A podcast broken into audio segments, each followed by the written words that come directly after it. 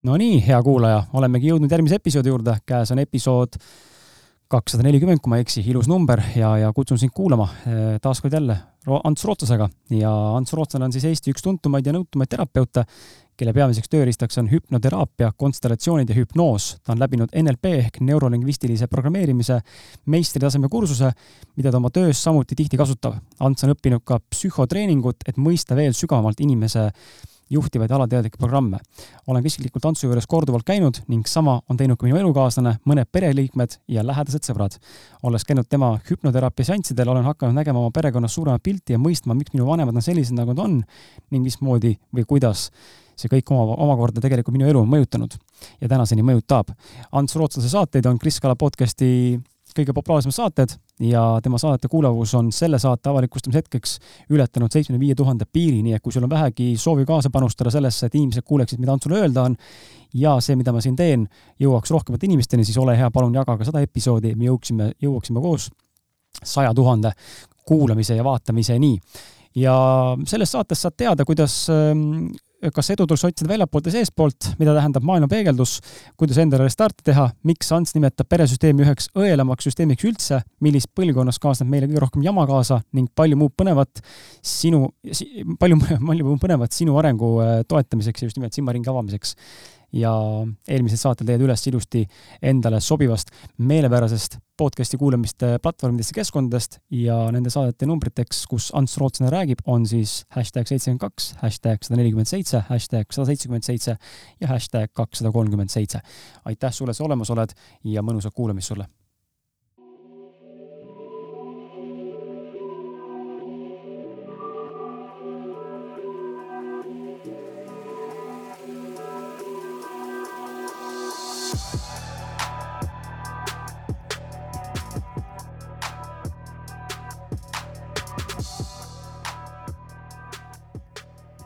ja hei hopsti, hei hopsti, tšau, tšau, tšau.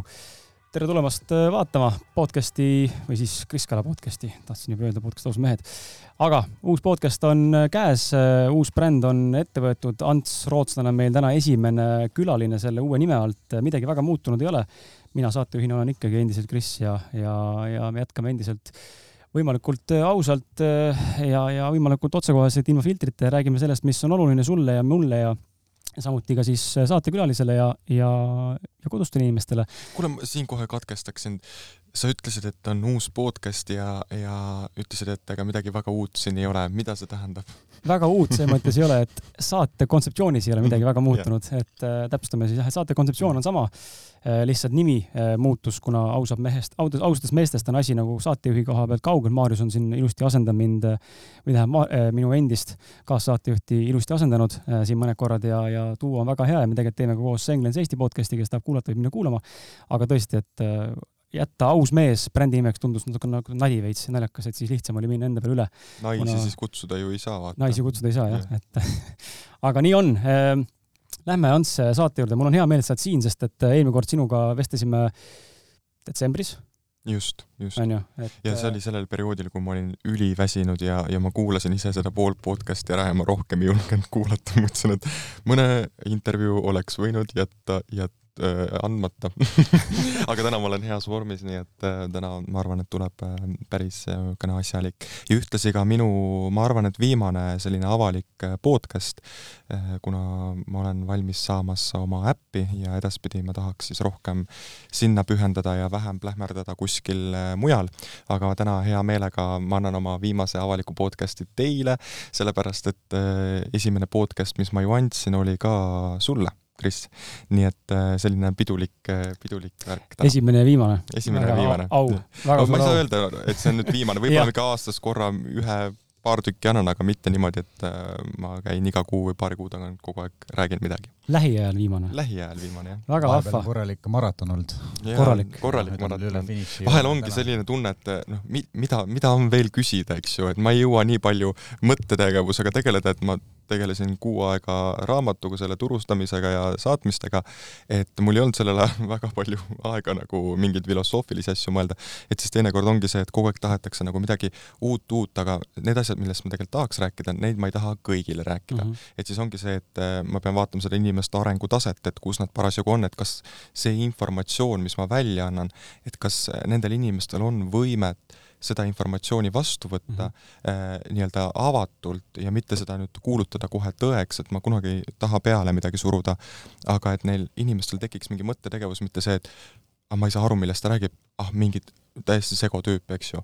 et, et ma tahaks pigem nii, et mul oleks asjad hästi selgelt läbi mõeldud, enda jaoks läbi kogetud ja siis ma saan selle kuidagi panna teatud kontekstidesse, teatud lugudesse, et siis inimesi sellega nii-öelda valgustada mm. -hmm. et, äh, et vaatame, mis siit täna tuleb, ma näen, et teil on väga palju küsimusi ja ma loodan, et mul on täna ka väga palju vastuseid. kahtlemata, eelmine kord äh, sa viidisid kõrvale osadest küsimustest ja ei lasknud meil küsida küsimust lõpuni, ma vastasin. ütlen teile ausalt, ega, ega mu aju ei töötanud, et ma ilmselt ei oleks mitte midagi osanud sellel hetkel vastata, sest lihtsalt äh, mõttetegevus oli nullilähedane. aga saade oli hea, seda kuulati ja meie soov täitus, me saime üle kümne tuhande kuulamise sinna ja, ja ma mõtlen ka, osad inimesed kirjutasid, et väga hea on, ma mõtlesin, mis nende inimeste peas toimus aga ju seal oli midagi siis? midagi oli jaa, et ma sain aru, et isegi kui ma olen täiesti nagu äh, väljendan kuidagi äh, robustselt ennast, aga kelbas suust välja, et siis, siis ikkagi nii-öelda. seal on kulda. aga, aga ma arvan, et ongi see, et vaatamata sellele, et ma olen nii-öelda väsinud mingitel hetkedel, siis ma suudan ikkagi ennast kontsentreerida ja ma räägingi sellel hetkel siis sellest, mis lihtsalt tuleb,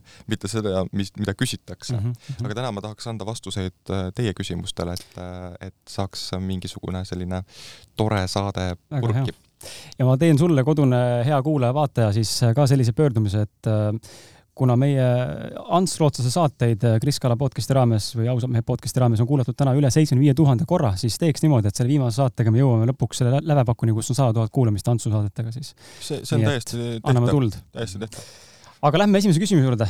ma võtan kinni sellest raamatust, mis sa oled siia kirjutanud, valmis meile, mitte ainult meile, vaid kõigile tegelikult ja iseendale ka, aga sa kirjutasid sisse ühe pühenduse mulle sinna.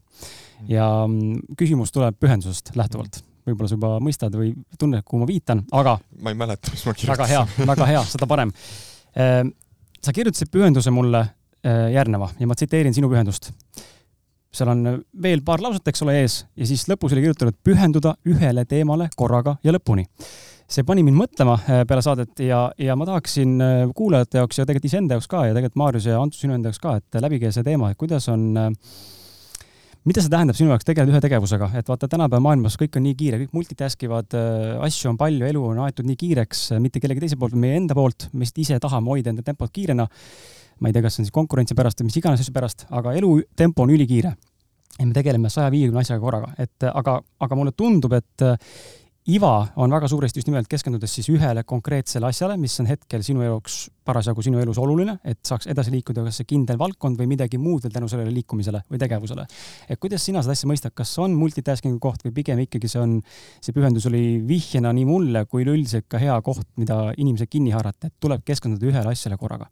Ma arvan, eelkõige ma mõtlesin selle ühele asjale korraga just seda nii-öelda valdkonda, et kui ma ju ennast vaatan, siis ma ka oma valdkonnas, noh, ma olen hästi erinevates rollides, aga ma pühendun ühele asjale korraga, mis tähendab seda, et ma pühendan ühele valdkonnale ennast äh, täielikult ja kõike, mida see siis äh, enda alla nii-öelda hõlmab. Äh, inimesed tõesti on väga kiires elutempos ja kogu aeg on selline tunne, et justkui rong läheks inimestel eest ära. tegelikult see rong ei lähe mitte kuhugi, et lennukid on ka olemas. et ma olen öelnud, et vahepeal peab see private jet tegema nii-öelda sellise hädamaandumise, kui, kui lennuki turbulents läheb liiga suureks ja midagi seal juhtub, et siis peab teha, tegema sellise vahepeatuse.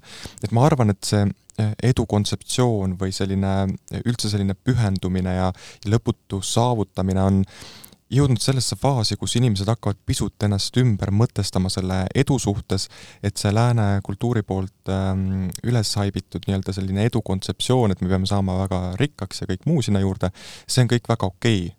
aga me peame sinna saama selliselt, et me ei tohiks ennast kahjustada ja, ja loomulikult äh, me võime ennast natukene kahjustada, et teada, kus on meie nii-öelda piirid. et me peame ka natukene piiridest noorena üle astuma, et teada saada, kus siis see minu võimekus on ja, ja näha ka, kuidas aja jooksul minu võimekus võib-olla on teatud asjades äh, kasvanud. et see, seetõttu on äh, oluline nii-öelda seda edu saavutada läbi pühendumise ühele asjale ja eelkõige sellele, et see, mida ma teen, et ma tunnen ennast selles kindlalt ja et ma olen nii-öelda sisemiselt rahul. et mitte ei ole see, et kõik ajab mind närvi päeva jooksul, äh, mul on sada asja, ma olen närvis, ma sõiman teisi, ainult selleks, et saada oma seda mingisugust äh, siis münti kätte mm. -hmm vaid et see peaks olema nii-öelda voolav ja noh, küsimus ongi selles nüüd, et kuidas selleni jõuda ja inimesed on teinud sellest nagu nii ma ei tea, niisuguse raske maratoni, et see kuidagi rahulolev olla on nagu nii keeruline ei ole absoluutselt, et sa pead lihtsalt enda sees äh, ära taipama ühe lihtsa asja, et äh, äh, kaks tähendab asja. üks asi on see, mida sinu siis ego soovib ja mille jaoks ta täpselt seda soovib. Ja teine küsimus on selles, mida mina inimesena tegelikult sellest saan või mida ma vajan, et mis see mulle inimesena nii-öelda tagasi annab.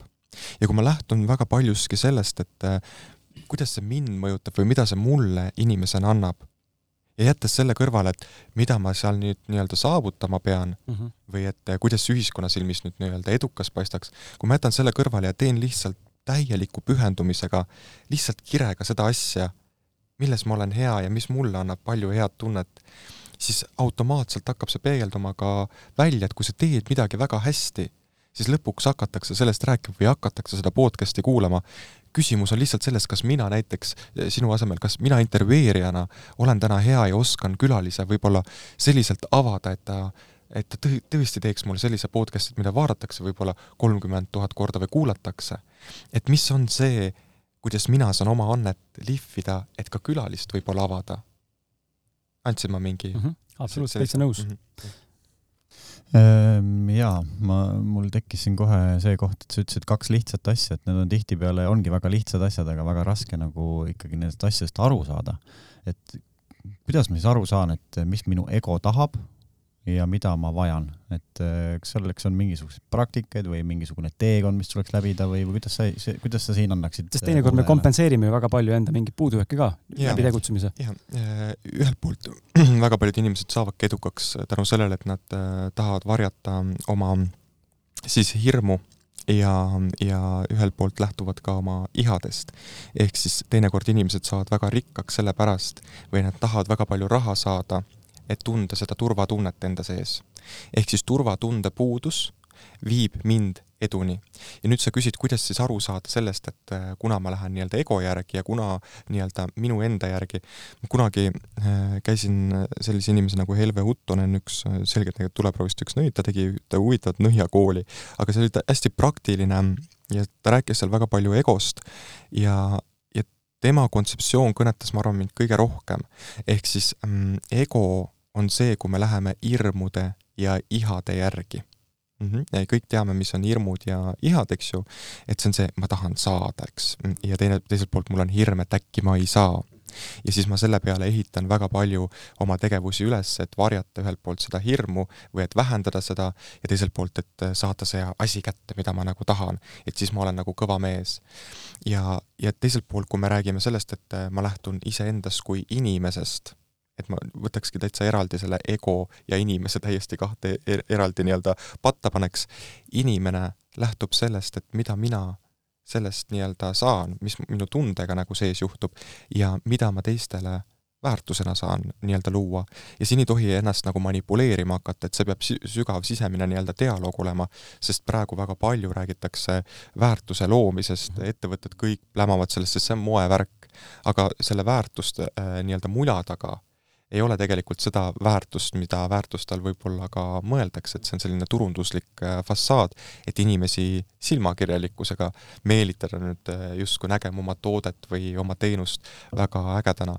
et, et see peab ikkagi jah, omama sellist äh, sisemist väärtust ja seda, et ma teen seda eelkõige selle jaoks, et arendada ennast ja et pühenduda sellele ja see on nagu kunstiteos iga selline tegevus, mida me elus teeme, võiks olla selline kunst justkui, et me võiksime lähtuda sellest kui kunstist ja keegi ei saa sulle öelda, et see kunst on vale, kole või inetu, vaid see on minu kunst.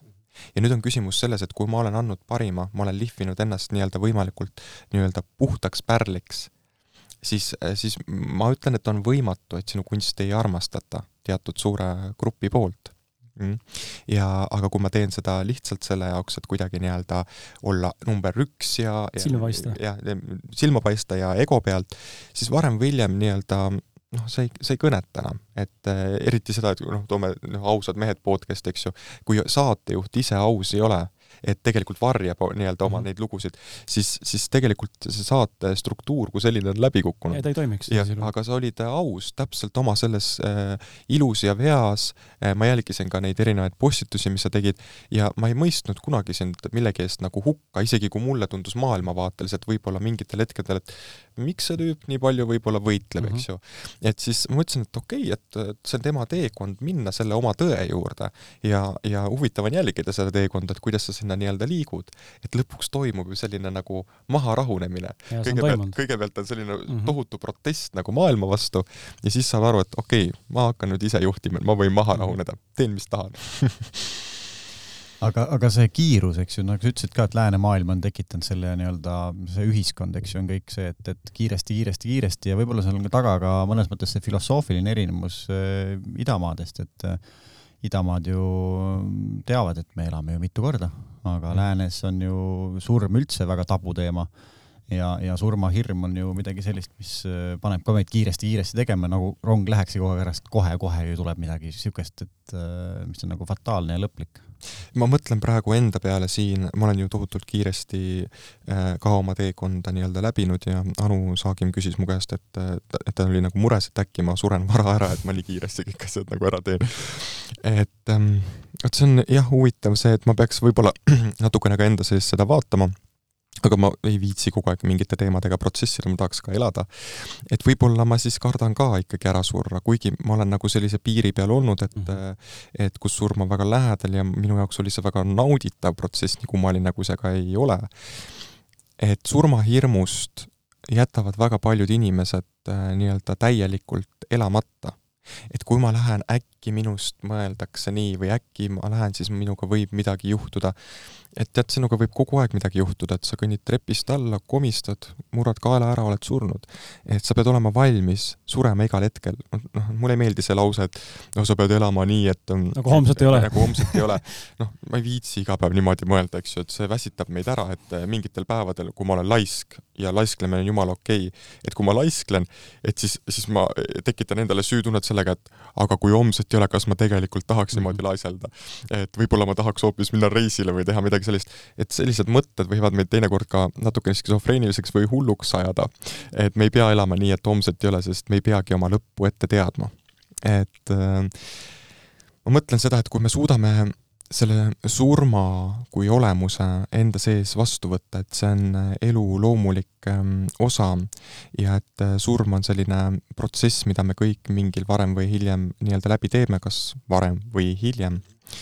Ja et see on selline protsess, kus äh, tegelikult ei ole midagi hullu ja näiteks kui meie lähedane sureb, vaid see on meile võimalus sisemiselt kasvada. ma olen varasemalt kuskil ka öelnud seda, et kui, mida lähedasem inimene meil ära sureb, seda rohkem tuleb meie enda psüühiline seisund päriselt nii-öelda välja.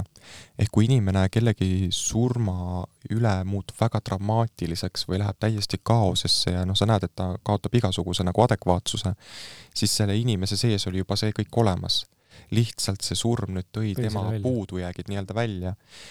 Ja ma ükspäev vestlesin ühe kliendiga ja, ja siis noh, tal oli äh, nii-öelda võimalus, no siiamaani on võimalus, et ta sureb nagu ära ja ma ütlesin, et aga aga kas nüüd ongi nii, et sina pead ära surema selleks, et teised inimesed hakkaksid ennast liigutama?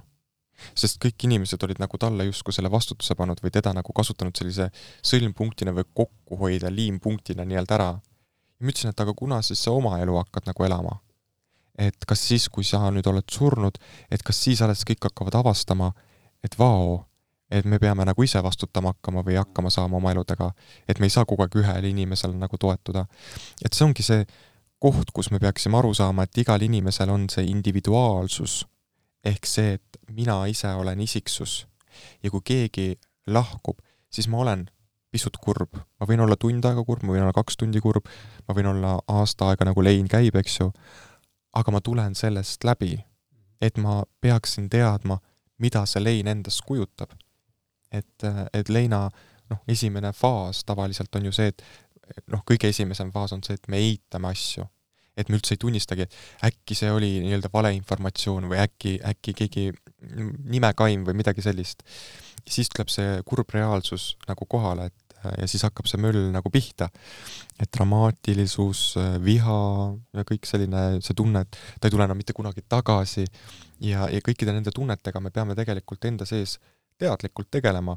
Ja see teadlikult sõna kõlab ka juba nii ära leerdatult, aga lihtsalt, et et kui sul tuleb see tunne peale, vahet pole, mis eluolukorras eh,, olgu see siis lein, kurbus, igatsus, siis sa lähed selle tunde sisse ja teed selle totaalseks, vot nüüd ma igatsen seda inimest vot ta võiks ikka alles olla, vot need arstid olid ikka lollid, nad ei osanud teda ravida, ütled kõik selle kõva häälega välja. Eh, ja, ja koged selle protsessi enda sees läbi, ühel hetkel tekib selline mõnus ähm, aktsepteerimine.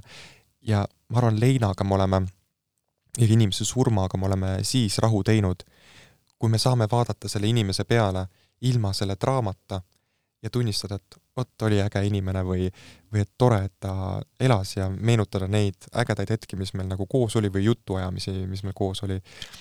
Et mina vahel siiamaani meenutan vanaisa, kui ta teadis, ise teadis sisemiselt, et ta ära sureb, siis meil oli väga pikk ja põhjalik vestlus nii suguvõsast kui elust ise ja ma vahel meenutan neid sõnu, mis ta mulle ütles, aga see ei tekita mulle nagu sellist kurbust mm -hmm. või melanhooliat, vaid ma meenutan nagu rõõmuga.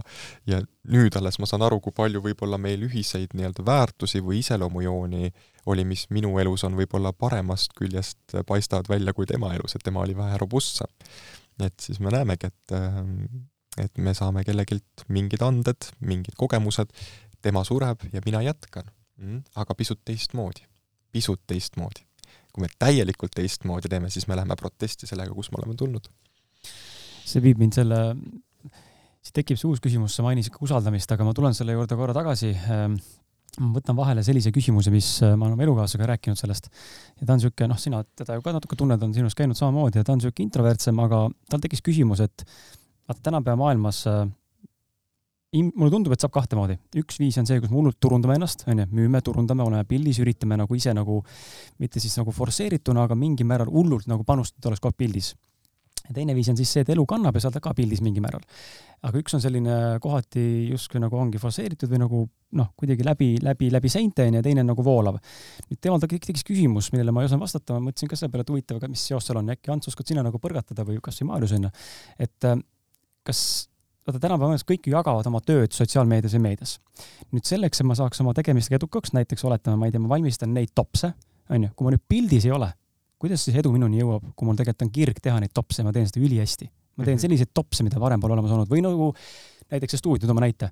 tegime stuudio, kuidas ma nüüd ilma pildis olemata suudaksin teha niimoodi, et see lendaks nii, nagu tegelikult visioonis oma tunnetuslikult tunnen, et see tegelikult läheb mm -hmm. ilma, et ma oleks pildis. vaata, ühiskond muutub ja strateegiad äh, muutuvad, kui varasemalt äh, oli väga palju, mida mi, ka minu töös tegelikult tänapäeval siiamaani, tänasel päeval siiamaani on tänapäeval nagu pensionär jälle. et, äh, et üks asi on suust suhu reklaam et kui ma olen andnud kümnele sõbrale või kümme sõpra on mul ostnud seda ja nad ütlevad, et see on nii hea tops mm, -hmm. siis paratamatult, kui nad ütlevad, et see on nii hea tops ja seda nähakse, siis tahab veel teine kümme seda, eks ju, saada. aga, aga katsu sa teha nüüd nii hea tops või nii hea toode, et see ju aja jooksul tegelikult kujuneb ja ma arvan, et sotsiaalmeedia, äh, me peaksime sellega selles mõttes kaasa minema ikkagi, et et me peame äh, ikkagi ennast ka nähtavaks tegema. aga vot, tuues nüüd selle nii-öelda liigse läbi seinte mineku, vot see tähendab ma pigem ähm, taandaks selle võib-olla meedia peale, mitte nüüd äri peale, et, et paljud artistid ähm,, noored artistid ju saadavad ise enda kohta informatsiooni mm -hmm. ja, ja panevad oma need ajakirjanikud close friends'i, et ja siis äh, kurdavad, et oo oh,, miks must niimoodi kirjutati, mis iganes. tegelikult nad naudivad seda, et need kirjutatakse mm, -hmm. neil on jumala ükskõik, kas hästi või halvasti. peaasi, et sa oled pildis, sest kui sa oled pildis, siis justkui avanevad sulle mingid uued võimalused ja mina nimetan seda meedia prostitutsiooniks et ma äh, müün ennast maha ja ma püsin ainult selle toel, et mul on meedia. ja ka väga paljud äh, sellised mitte väga paljud, siiski mõned üksikud, näiteks ka esoteerikud ja asjad, neid ei oleks olemas. Neil ei oleks tööd, kui neid meedias mm -hmm. ei eksponeeritaks, sest äh, võib-olla see töö tulemus ei ole või see vau ei ole nii, mida seal meedias võib-olla nähakse, sest meedia keerab alati selle pildi pisut teistmoodi. aga kui me toome nüüd ähm, räägime tootest kui sellisest, siis loomulikult ma arvan, et tänapäeva maailmas kõik ära kasutada selleks, et oleks ka äriline edu, mis iganes, on, on need siis influencer'id, on need äh, oma äh, brändi kohta nii-öelda informatsiooni jagamine, et me peaksime kasutama erinevaid kanaleid ja vaatama, mis sihtrühma mul on võimalik kõnetada ja kuidas siis selle sihtrühmani jõuda. et kui ma enda nagu praksist vaatan või enda seda tegevust mhm. vaatan mm, -hmm. siis ma ei ole kunagi tegelikult nagu mõelnud selle peale eh, sisimas, et kuidas ma ennast nagu turundan, mul ei ole isegi mingit turundusplaani, vaid ma teen lihtsalt seda, mis mulle meeldib. ja ma teen seda ja ma hakkasin kohe alguses sellega tegelema, ma teadsin seda, et et kui sa tahad olla oma valdkonna nii-öelda tegija, siis inimesed üldse sinuga ühenduda või et samastuda, siis sa pead ju oma mõtteid välja käima jah, vahet ei ole, kas nad on robustsed, kui nad alguses on robustsed mõtted, siis minuga tuleb kaasa selline robustsem seltskond võib-olla, kes ei ole ka mõttetegevuselt veel nii kaugele, eks ju, jõudnud.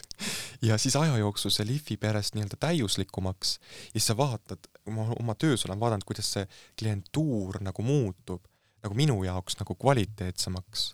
ja ma mõtlengi ainult selle all seda, et et ma olen palju andnud neid podcast'e, intervjuusid, et inimene juba on kursis, kelle juurde ta tuleb, tal on teadlikkus, ta võtab ise vastutuse ja ma saan siis teha neid sekkumisi, mida on vaja, mitte ma ei pea näiteks teda veenma hakkama mm. -hmm. et see on minu meelest turundusliku plaani pealt äh, väga oluline ka äh, rääkides terapeutidest, et siis noh, tegelikult Eestis on ju väga häid terapeute, aga neil on ühed pisikesed nüansid puudu.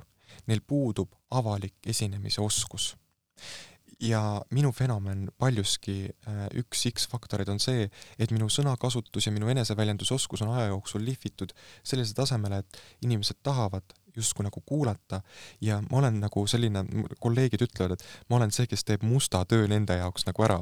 et ma käin ja räägin midagi, mis on äh, neid ka, eks ju, puudutab ja siis, ja siis kõigil on nii-öelda justkui nagu ka kliente, sest mina ise ei jõua kõiki kliente vastu võtta ja tekib ahelreaktsioon.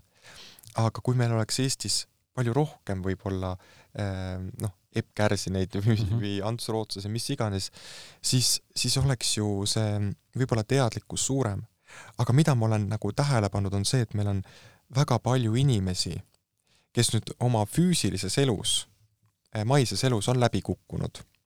ja ma ei ole veel välja suutnud nuputada, kuidas need kõik inimesed eh, arvavad, et nad eh, nüüd selle kogemuse pealt, et nad oma elus läbi kukkunud on, hakkavad teisi inimesi nõustama. ja eriti niisugustel teemadel nagu edu, ma, ma praegu teen täitsa niisugust eksperimenti, ma jälgin paari inimest, kes on oma isiklikus elus läbi kukkunud ja kes on nüüd noh, need life coach'id mm, -hmm. eks ju. ja teinekord ma mõtlen, see informatsioon, mis sealt nagu tuleb, on nagu terapeutiliselt ja isegi klassikaline psühholoogia nagu kriibib nagu kõrvu, et, et see nagu tegelikult on nagu hullumeelsus, et minnakse nagu nii hullult nagu vaimseks või ma ei nimetaks isegi seda see on nagu spirituaalsuse lõks või selline, kuhu ta iseennast on ka veennud. aga avastatakse näiteks üks viis, kuidas saada endale klientuuri eh, tänapäeva nii-öelda ühiskonnas ja praegusel ajal. kui sa tahad eh, praegu tulla nii-öelda pilti, siis hakka hakkab äh, kõva häälega kritiseerima valitsust, äh, et me oleme kõik need ähm, vandenõuteooriate all, et meil võetakse kõik vabadused käest ära, tõmbab meeletu mäss ülesse ja siis on teatud pool ühiskonda, no mitte pool, aga teatud sort ühiskonda, kes jooksevad kõik tormi ja tarbivad ükskõik, mida sa suust välja ütled, sest sa ütled, et valitsus on halb mm. -hmm. ja minu meelest see on nii huvitav nagu jälgida, et, et ma töötan siis inimesena selle pealt, et ma ajan inimesed kettasse, siis ma müün neile mingeid tooteid näiteks, ma olen vaba või mis iganes, ma olen terve, ma ei tea, mis tooteid igasuguseid, eks ju, müüakse, ma olen isegi mingeid käepaelu näinud, sõrmuseid, mis iganes. Et, äh, et see on nagu huvitav, et siis äh, tegelikult rakendatakse need inimesed nagu hea usuga, et me päästame maailma, rakendatakse oma äh, äri ette ja need hakkavad siis teda toitma. ja hiljem, kui see kriis läbi saab, siis noh, savimaailm ei võetudki seda vabadust ära ja piirangud kadusid ka ära, sest äh, võib-olla koroona sai läbi, eks ju. ja nüüd mul on see punt inimesi, keda siis mudida sealt igalt poolt. aga vot nii alatult mina ei ole nagu tahtnud, et ma olen ikkagi tahtnud sellisest päris asjast nagu rääkida või et ma ei ole, ma ei saa inimesi viia äh, võitlusesse Äh, see oleks minu elufilosoofia vastu, sest võitlus loob võitlust, me kõik äh, enam-vähem jõuame võib-olla mõttetegevusena selleni ja isegi kui ma võitlen valitsuse vastu või mulle midagi nagu ei meeldi, siis ma ütlen sulle ausalt, äh, ma olen pingutanud selle nimel, et valitsus ei suuda mõjutada minu elu. ja kui ta seda üritabki, siis ma mängin kaardid nii, et ma olen taaskord nii-öelda vaba. noh, toon näite, mul tuli ka elektriarve kolmsada üheksakümmend eurot neljakümne ruuduse korteri eest ja mis see, mis see, mis see mulle võimalus andis? mul oleks võinud väga lihtne olla öelda, et Kaja Kallas on tropp, kuigi noh te,, tema ei, nagu ei põhjustanud otseselt seda, eks ju, see oli lihtsalt mitmete poliitiliste aastate tulem ja ka riik, maailmapoliitika nii-öelda tulem. Äh, ja minu mõte oli siis see, et okei okay,, et kui mul on nii kõrge elektriarve, et ma olen äh, piisavalt nii-öelda tagavarasid varunud, et ma saan selle elektriarve ära maksta, ma olen ettenägelik, mul on mingid tagavarad, sest ma olen töötanud palju, ähm, ja ja siis ma otsustasin, et okei okay,, ma kolin uude kohta. ja, ja mõtlesin, issand, kui põnev, et see elektriarve praegu andis mulle tõuke, et ma saaksin oma võib-olla tingimusi parandada, ma saan suurema korteri endale selle raha eest, mis ma maksaks muidu siin korteris. ja ühel hetkel paari nädala möödudes ma avastasin, et mul on päikeserõduga korter, et täpselt see, mida ma tahtsin, et mul oleks rõdu, et ma saaks suve poole ilusti võib-olla kirjutada või lugeda või, või et ma saan ennast kodus tunda nagu maksimaalselt nagu hästi ja mõtlesin, issand, kui tore, et see elektriarve nagu suur tuli, et ma sain uue kodu omale vähemalt. et, et märgata selliseid teistmoodi asju. Mm, ja inimestel on teinekord sellised palju negatiivseid mõtteid või et äh, nad lähevad, ma nimetaks seda kollektiivseks ikkagi, ma kasutan sõna hullus, aga ma ei tea, kas see on päris täpselt see sõna, aga võib-olla siiski.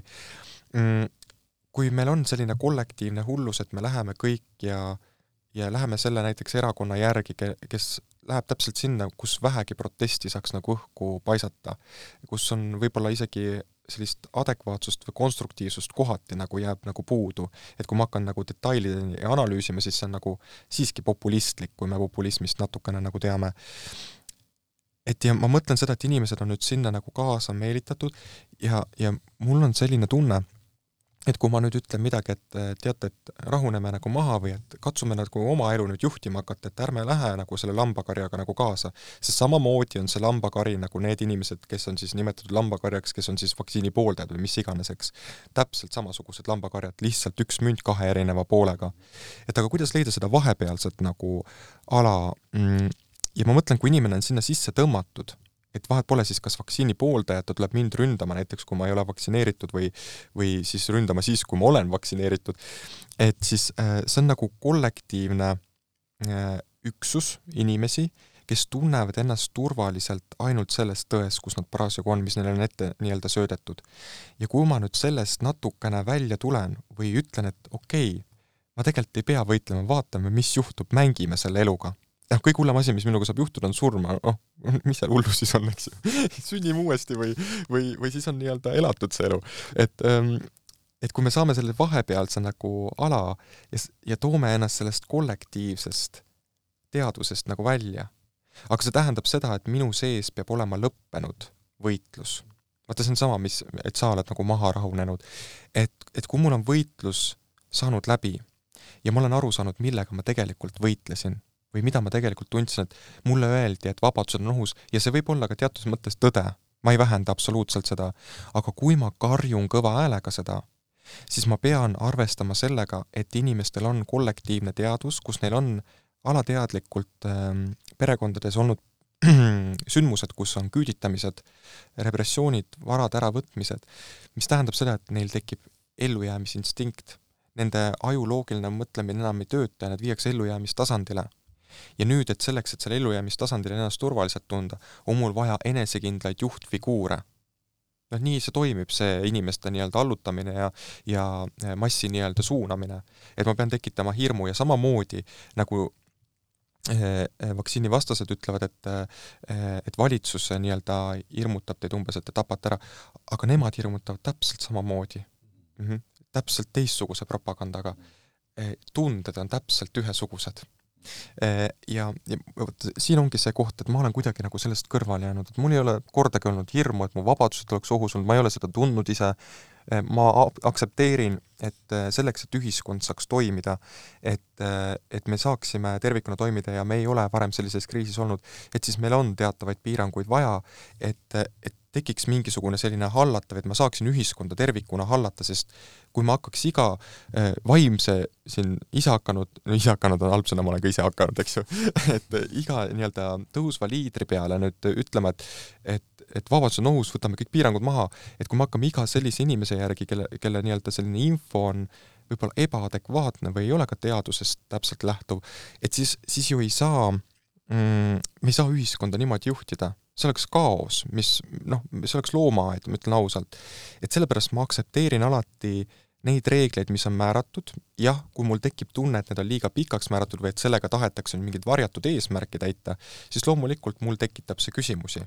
aga ma tean seda, et et ma ei lähe kuskile võitlema, sest siis ma võtaksin oma ressursi, mis ma võiksin oma eh, ettevõttesse panna, mis omakorda aitab inimestel nii-öelda rahuneda või arengusse minna, ma panen selle võitluse peale ja ma kaotan võib-olla sealt raha, energiat ja ressurssi. ja vot see ongi see koht, kus ma olen öelnud inimestele, et kui te tahate olla kaks tuhat kakskümmend kaks aastal edukad, siis tooge oma tunded sealt protesti pealt oma isiklikku ellu ja vaadake, kuidas te saate nihverdada nii oma elu, et te vaatamata piirangutele või, või reeglitele suudaksite ellu jääda, mitte ainult ellu jääda, vaid ka elada.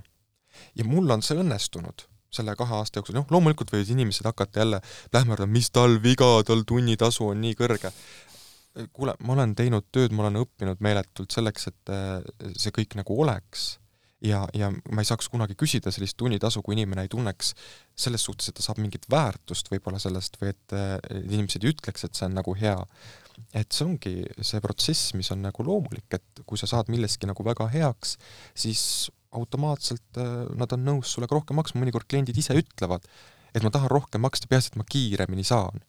Ja siis mul on ikkagi see tunne, et ma ei taha nagu röövida või et ma ikkagi annan mm -hmm. talle sellesama hinnaga, aga siis ma leian talle kuskil selle vahele aja et jah, et ma, ma pigem keskendun nagu oma elule, toon fookuse oma elule, toon fookuse nendelt eh, EKRE-lt, Reformierakonnalt ja Keskerakonna nende kismalt toon nagu ära, aga ma jälgin siiski, ma vaatan näiteks esimest stuudiot, sest ma pean teadma, millega, mis probleemid ühiskonnas on, sest ma pean teadma, millega inimesed minu juurde tulevad.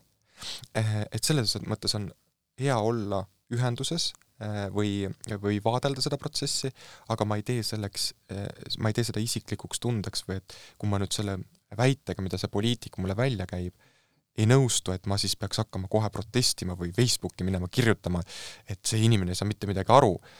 noh, mul ei ole sellist pädevust täna, et öelda, et ei saa midagi aru, et ma ei ole riiki juhtinud.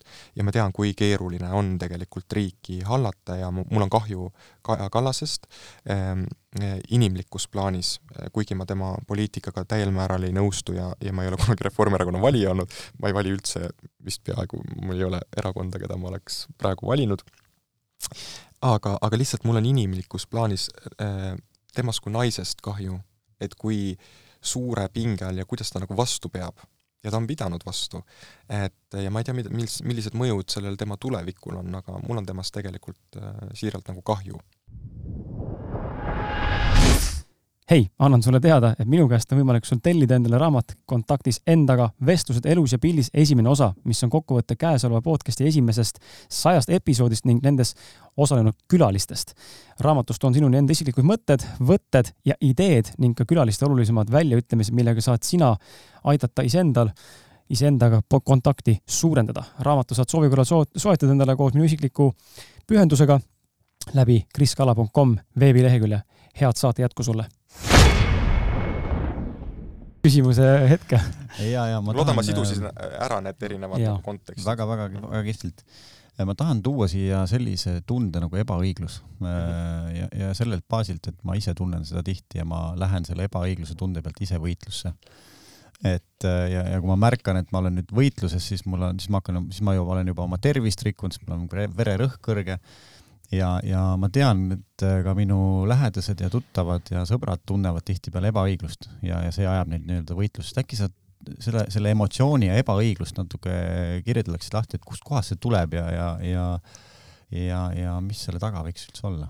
jah, sa pead mõistma ühte lihtsat asja, et ebaõiglus on alati valitsenud maailma ja võrdsus kui selline on ainult äh, pandud kirja paberi peale.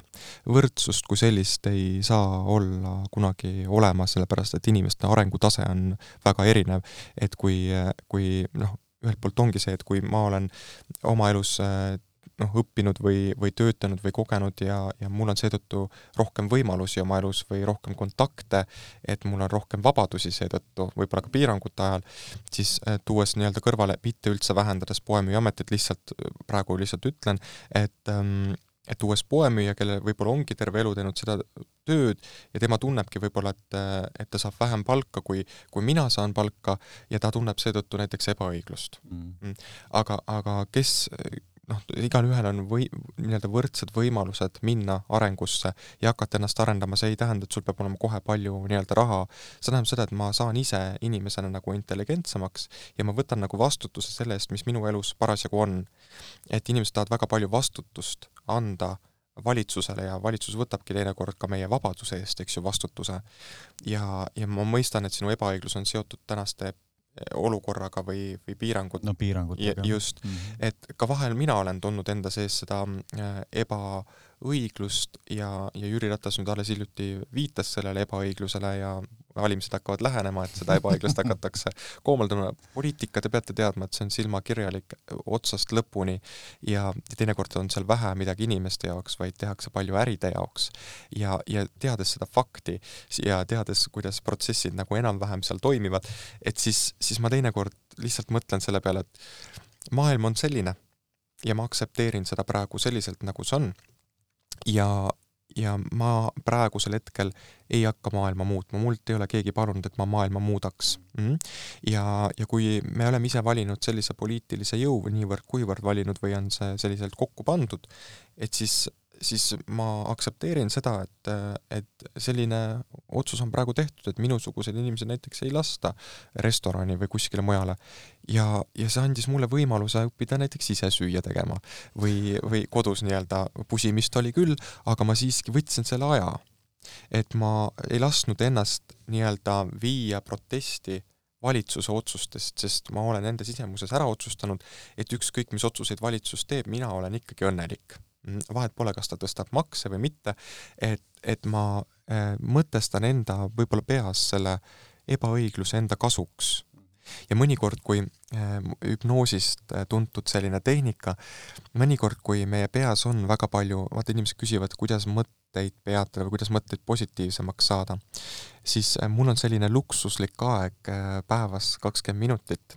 Äh, mõnikord ma teen ka kolm korda kakskümmend, aga, aga vahel ma teen sellised kahekümneminutilise pausi, mhm, kus ma lihtsalt, kui ma tunnen, et mu aju on üle koormatud liialt võib-olla mitte kõige toredamatest mõtetest. võib-olla keegi on mulle öelnud või ma olen kellelegi öelnud ja keegi on mulle midagi vastu öelnud et kuidas siis sellest nii-öelda negatiivsest mõttest lahti saada. ma võtan kõik need olukorrad ükshaaval, mis minu peas ketravad, võtan ette oma peas, ma panen silmad kinni, see on nagu väikene enesehüpnoos, ja, ja siis ma loon sellise endast sellise kujutlusega sellise fantoomi mm Te võite seda kasutada, see on täiesti ohutu. ja nüüd on selline olukord, et teinekord, kui sa ka oled avalikus elus, eks ju, ja väga paljud inimesed noh, ihuvad hammast, et tahaks, et sul läheks halvasti tegelikult, siis ma paljastan ühe nipi, ma pean hiljem uue välja mõtlema, muidu see ei tööta enam, aga ma annan teile siiski selle ära, et ma loon endas sellise äh, toreda äh, visuaalse fantoomi ja, ja kõik need inimesed, kellega mul siis need olukorrad on, ja ma panen selle fantoomi endast eemale kujutluses ja kõik need inimesed ükshaaval käivad selle fantoomi juurest läbi ja nad võivad sellele inimesele, noh, minu fantoomile siis öelda kõike, mida nad tahavad. aga mina ise inimesena, Antsuna, vaatan seda kõike kõrvalt ja, ja äh, mõtlen iga inimese peale samal ajal. huvitav, kui ta nüüd seda sellele fantoomile seal ütleb, et kas siis see on minu isiku pihta, kas see on mulle isiklikult suunatud või ta on mulle projitseerinud äh,, projitseerinud midagi, mis talle võib-olla minu sõnavõtus, mis ta talle üles tõi, eks ju ja siis ma nii-öelda kujutluses vaatan neid inimesi ja teatud üsna sageli ma vaatan seda, et ega seal minu isiku pihta ei olnudki, et neil oli isiklik asi, mis seal tuli.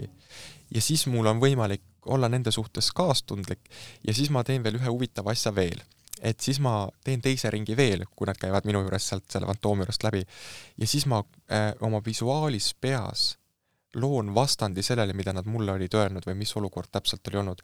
ehk ma loon positiivse vastandi oma kujutluses, et kuidas nad ütlevad nüüd väga hästi. ja see on nüüd hüpnootiline praktika, kus me mängime oma teadvuse ümber. ehk siis, kui ma teen seda väga pühendunult, keskendunult, võtan aega rahulikult, et ma tunnistan kõike, mis on olnud, kõike negatiivset ja luban seda väljendada ja vaatan, mida see siis fantoomil teeb, kuna fantoom on lihtsalt äh, pette kujutlemisel ees, eks ju, siis temaga ei juhtu mitte midagi. aga ma teen teise tiiru veel et ma lasen siis teise tiiru äh, teha kõik selle positiivseks ja lihtsalt kujutluses mõtlen välja ja mis tulevad need sõnad, mis ma selle asemel äh, lasen sellel inimesel öelda, mis ta võib-olla varem ütles. ja kui te teete seda praktikat kas või kakskümmend minutit päevas, see on luksuslik aeg iseendale. See ei ole midagi sellist, et ma pean seda tegema. sa ei pea, sa võid ka olla nende negatiivsete mõtetega. aga see on üks selline võib-olla teistmoodi mõtlemine või kuidas ennast kaitsta energeetiliselt ka, et ma loon sellise fantoomi, eh, kelle peale öeldakse ja ma olen avalikult seda teinud, et et teinekord, kui inimesed kommenteerivad või tahavad, et sul noh, ma teinekord kommenteerin, mis mulle saadetakse, ka teinekord perekoolis, seal on uskumatult nagu jama teinekord kokku kirjutatud ja siis mulle saadetakse neid screen'e ja ja mul ongi see, et nad on, nad nagu suunavad selle selle fantoomi peale, ma olen sellise taotluse nagu teinud ja mina Antsuna jään puutumata, et siis ma saan magada rahulikult. et muidu ma hakkaks igat kommentaari või sellist öeldud sõna isikliku rünnakuna võtma ja siis ma ei saaks oma tööd teha. et siis ma ei saaks areneda või kasvada, sest noh, teatud hulk inimesi ütleb, et ta ei ole hea, ta on halb, et ta on mitte keegi, kes ta on ise hakanud selline. noh, võikski ise hakata väga headeks inimesteks nagu selles mõttes, et lihvida ennast väga heaks. et jah, kas see mõte oli adekvaatne? see on äh, väga hea näide ja väga hea praktika, mida peaks isegi tegelikult proovima ja, ja loodan, et kuulajad äh, proovivad järgi seda, sa, ma toon siia ühe näite juurde, sa tõid selle näite enda pealt, et kuidas ebaõigluse tunde juures tänast, ütleme, piirangute korral, nagu Maarjus mainis ka, onju, et lähme kohe siit teemast edasi, ärme siia äh, kinni jää, aga et mina tundsin ebaõiglust paar kuud tagasi, siis kui mind toidupoest välja visati, siis ma tundsin nagu, et no nüüd on nagu minu piir, et nüüd on ebaõiglane värk. miks sa toidupoest välja visati? ma ei pannud maski ette. jaa, et aga... vaata, see ongi nüüd see, toon teile, räägin veel kord väga lihtsalt ära. See, mida mina teen oma elus, oma tööelus, on süsteemne lähenemine. ehk siis ma lähtun inimesele läbi süsteemi, kuidas perekond toimib. ei ole voodoo värk, on klassikalisest pereteraapiast välja arenenud, kus ongi süsteemne pereteraapia täiesti olemas. ja samamoodi on riigil oma süsteem, mis juhib siis inimeste süsteeme, et nad saaksid kollektiivselt nii-öelda toimida. ja selleks, et kollektiivselt me toimida saaksime, siis äh, parima teadmise juures vahet pole, kas siis teadlased on manipuleeritud, kinni makstud, mis iganes võib olla, eks ju, kõik võib olla, me peame alati kahtlustama, aga on pandud äh, valitsuste poolt terve maailma peale paika raamid, äh, piirid, äh, et teha kõik selleks, et vähendada viiruse levikut. üks asi on nii-öelda see maski nii-öelda kandmine, on tõesti kaheldud, kas see mask siis aitab või Kahe Kallas ütles, et see viirus levib läbi silmade isegi, eks et jaa, aga meil on teatud norm ja see on nii-öelda selline, mis on pandud kõigile, et kõik tunneksid, et et noh, kõik siis peavad kandma, mitte ainult teatud äh, noh, grupp, kes on näiteks äh, haiged, nohused inimesed, mis iganes, siis tekiks palju rohkem protesti. vot on teatud norm pandud ja nüüd on küsimus selles, et kui mina indiviidina ei ole sellega nagu nõus. aga, aga noh, on leitud teadlaste poolt ja kinni makstud teadlaste poolt, mis iganes, on leitud, et see on ikkagi parim äh, viis, võib-olla ennetusmeetod, pesta käsi, kanda maski ja nii edasi et siis ma isiklikult olin ka alguses nagu, kuna see oli meie kultuurile võõras, see oli rohkem äh, Hiina kultuurile, eks ju, omane, siis mul oli ka nagu väikene protest, aga siis ma nagu mõtestasin, arutasin paari inimesega, mõtlesin, et okei okay,, riik kehtestas kollektiivsed reeglid, et me saaks võimalikult kiiresti sellest välja tulla, sest ükski riigijuht ei taha, et tema riik pekki kukuks, eks ju, majanduslikult ja nii edasi. ja siis ma nagu nõustusin enda sees, okei okay,, kui riik näeb praegu, et see on vajalik, ja tänu sellele ma saan poest võib-olla midagi osta ja mul on tohutult mugav, inimesed ei tunne mind ära, eks ju et siis mul oli nagu kergem kuidagi nagu nõustuda, et ma täidan neid reegleid, sest, sest ma ei lähe suurema süsteemiga vastuollu ja kui ma nüüd hakkaks võitlema, nagu noh, sinu näide praegu siin on hea, kui ma hakkan suurema süsteemi vastu, kehtestatud reeglite vastu võitlema, siis see tähendab seda, et mina alati kaotan ja siis mul tekib abitus, alguses tekib viha ja hiljem tekib nii-öelda abituse tunne. ja selle tõttu sa kahjustad ennast, sa tunned ennast veel äh, vähem väärsena äh,, äh, vähem inimesena ja vähem ühiskonnas tolereerituna, et sa oled justkui nagu kõrvale heidetud. ja, ja, ja teiselt poolt ähm, vaata, ühiskond ongi, et me ei tea keegi lõplikku tõde, mina ei ole ka mingit tõe kuulutaja, aga ma mõtlen selle peale, et et ühelt poolt mulle ka meeldib see, et teatud inimesed siiski mm, toovad võib-olla teisi vaatenurke välja, oleneb sellest, kuidas nad nagu toovad neid välja, kuidas nad seda välja kommunikeerivad, aga siiski, et on ka mingi teine nägemus olemas, et võib-olla see ei ole nii okei okay. ja võib-olla tänu sellele teatud nagu survele või, või laiale pildile või mitme erinevate osapoolte nagu arvamustele tuginedes võib-olla siis ühel hetkel läheb kiiremini need piirangud maha, aga ma võin teile öelda, et need lähevad enamjaolt kõikides riikides hakkavad samaaegselt nagu minema ikkagi siis, kui viiruse levik hakkab nagu peatuma. et, et jah, meil ei ole mõtet võidelda äh, asjadega, mis on meist suuremad äh, ja me ei tea keegi, kas see koroona on siis eh, tekitatud siis illuminaatide poolt, eks ju, kas ta on kosmosest meile saadetud või ta on tahtlikult nii-öelda lihtsalt lahti lastud või on ta juhuse tahtel lahti lastud, mida ma kahtlen, et siis, siis midagi tuli ta meile siis eh, nii-öelda andma, lisaks sellele, et ta tuli ka võtma.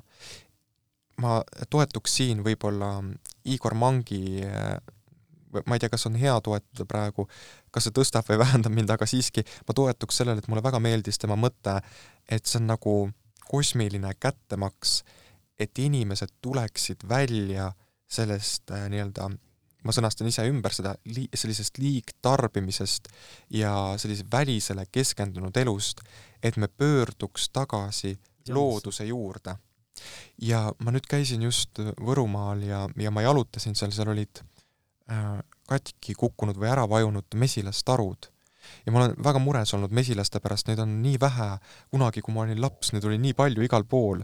ja nüüd, kui ma lähen loodusesse, mõnel suvel nägin ainult paari mesilast.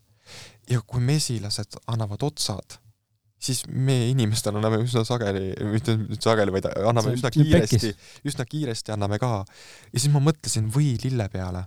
mõtle, kui imeline and on antud looduse poolt taimede näol, võilill, tema mm, õis aitab kopsuhaiguste vastu, tema juur aitab soolestiku tööd parandada ja tema lehed aitavad neerude tööd äh, parandada. ja, ja ma mõtlesin, et me oleme kõigest sellest nii-öelda kaugemale jäänud ja, ja võib-olla selle esoteerikute ja vaimsuse ükskõik, kas ta siis teeb seda selle jaoks, et ennast elus püsida või, või toimida, mõtlen, et võib-olla nendel on ikkagi ka selline suurem väärtus, isegi kui nad ajavad liiga uhuu teemasid, võib-olla see paneb teatud inimesi mõtlema nagu rohkem võib-olla looduse peale või enda peale ühenduse saamisega. ja selleks ei olegi vaja mitte midagi muud, kui minna loodusesse. Aga mitte see, et ma jooksen lihtsalt sealt loodusest kiiresti nagu läbi, vaid ma võtan aega ja ma vaatan seda. ma arvan, et minu teraapia äh, järjekorrad väheneksid et kui inimesed tuleksid tagasi. Ja mm, üks selline tegelane oli, ma vaatan tema nime kohe järgi, see on oluline, e, Jan Mikolašek, e, üks ähm, Slovakkia mm, või Tšehhi äh, selline imemees oli üheksateist või kahekümnenda sajandi algus, enne esimest maailmasõda minu meelest. ja teda kutsuti alati sarlataniks ta ei olnud äh, minu teada arstiks õppinud, aga ta oli õppinud ravimtaimi. ja tema ravi seisnes siis selles, et äh, inimesed seisid järjekorras, tõid oma uriiniproovi talle ja ta vaatas valguse käest seda uriiniproovi. ja siis äh, selle uriiniproovi järgi ütles ära, mis inimesel on haigus ja määras talle siis teatavalt, tal oli valmis tehtud teatud segud, mida inimene pidi siis kolm nädalat või kaks nädalat võtma ja, ja kuna nende inimeste nii-öelda tervenemine toimus, sest ta ütles alati, et inimese tervenemisest pool on see, et ta peab uskuma sest usk äh, võtab maha äh, blokeeringu äh, terveks saamise ees ja paneb nii-öelda protsessi liikuma. ja teine abivahend on siis loodus ehk imevahend, eks ju, mis tegi need inimesed väga paljuski korda, kui inimesel oli juba surev, noh, surmaga kaasnev nähtus, siis ta ütles ka selle välja, et noh, ei saa aidata. ja ta jõudis selle asjaga nagu nii kaugele, et ta oli tohutu fenomen, et ta pidi ära hävitama, keegi pidi ta ära hävitama, sest ta tundus nagu ohtlik, sest keegi ei hoomanud, kuidas seda teeb, kuigi riiklik Saksamaa uuris teda, ta lasi ähm, vaadata inimeste uriiniproove ja ta ütles täpselt ära meditsiinilised konditsioonid, mida arstid olid juba diagnoosinud ja lõpuks siis mängiti see mäng, mäng kätte niimoodi, et et tema justkui olevat olnud saatnud kaks teed mingitele sõduritele, mis tegelikult oli vahepeal kellegi poolt mürgitatud. ja siis öeldi, et tema ise mürgitas, sest ta tegi mingi vale jama kokku ja, ja ta pandi siis, taheti vangi panna. aga tema assistent, kes lubas talle kohe alguses, et on talle elu lõpuni nagu truu, võttis siis süü enda peale ja tänu sellele ta nii-öelda vabanes sellest, aga terve elu kutsuti teda sarlataniks ja kuigi tal olid väga põhjalikud teadmised mm, ravimtaimedest ja miks ma seda juttu räägin, et teinekord selleks, et olla äh, spetsialist mingil alal ja võib-olla nendel aladel, mida ka ülikoolis ei õpetata, et me ei saa kõike õppida ainult ülikoolis, me ei saa kõik ühe pulgaga olla löödud. et ähm, äh, kui me oleme midagi ikkagi uurinud või ka õppinud, mis on võib-olla selline alternatiivsem, aga see töötab, et inimesed ütlevad, et see töötab, et siis me ei tohiks silma kinni pigistada või öelda, et see on nüüd äh, mingi ESO jama. see ei pruugi üldse olla, võib-olla lihtsalt teadus ei oma sellist rahastust või huvi hetkel, et selle poole pöörduda, sest keegi ei ole näidanud, et see töötab. ja ma ei tea, miks ma praegu seda räägin, see lihtsalt tuli niimoodi ja minu tööga ma lihtsalt tunnen, on samamoodi, et kuigi ma toetun nagu kaheksakümmend protsenti oma töös teaduslikele meetodile, pereteraapiale, siis äh, jah, teatud protsent sellest on ka selline nähtamatu ala aga ma pean kogu aeg nagu selgitama või põhjendama seda, et ma ei ole nagu üdini esoteerik ja teiselt poolt nagu olen ka. ja siis mul nagu mõtlen selle peale, et et kuidas ma olen siis vastuvõetav või ma jõuan selle ebaõigluse juurde praegu kusjuures väga huvitav. ma tunnen vahel nagu ebaõiglust selles suhtes, et et miks inimene siis räuskab mulle, et sa oled, ma ei tea, ebapädev või et sa ei ole ülikoolis käinud ja see samal hetkel ma küsin, et kas sa oled kedagi nagu enesetapu soovist nagu välja toonud, nii et see inimene on õnnelik, elab täisväärtuslikku elu. et kui sa suudad seda, siis, siis ma hoian suu kinni ja ütlen, ma olen tropp nagu.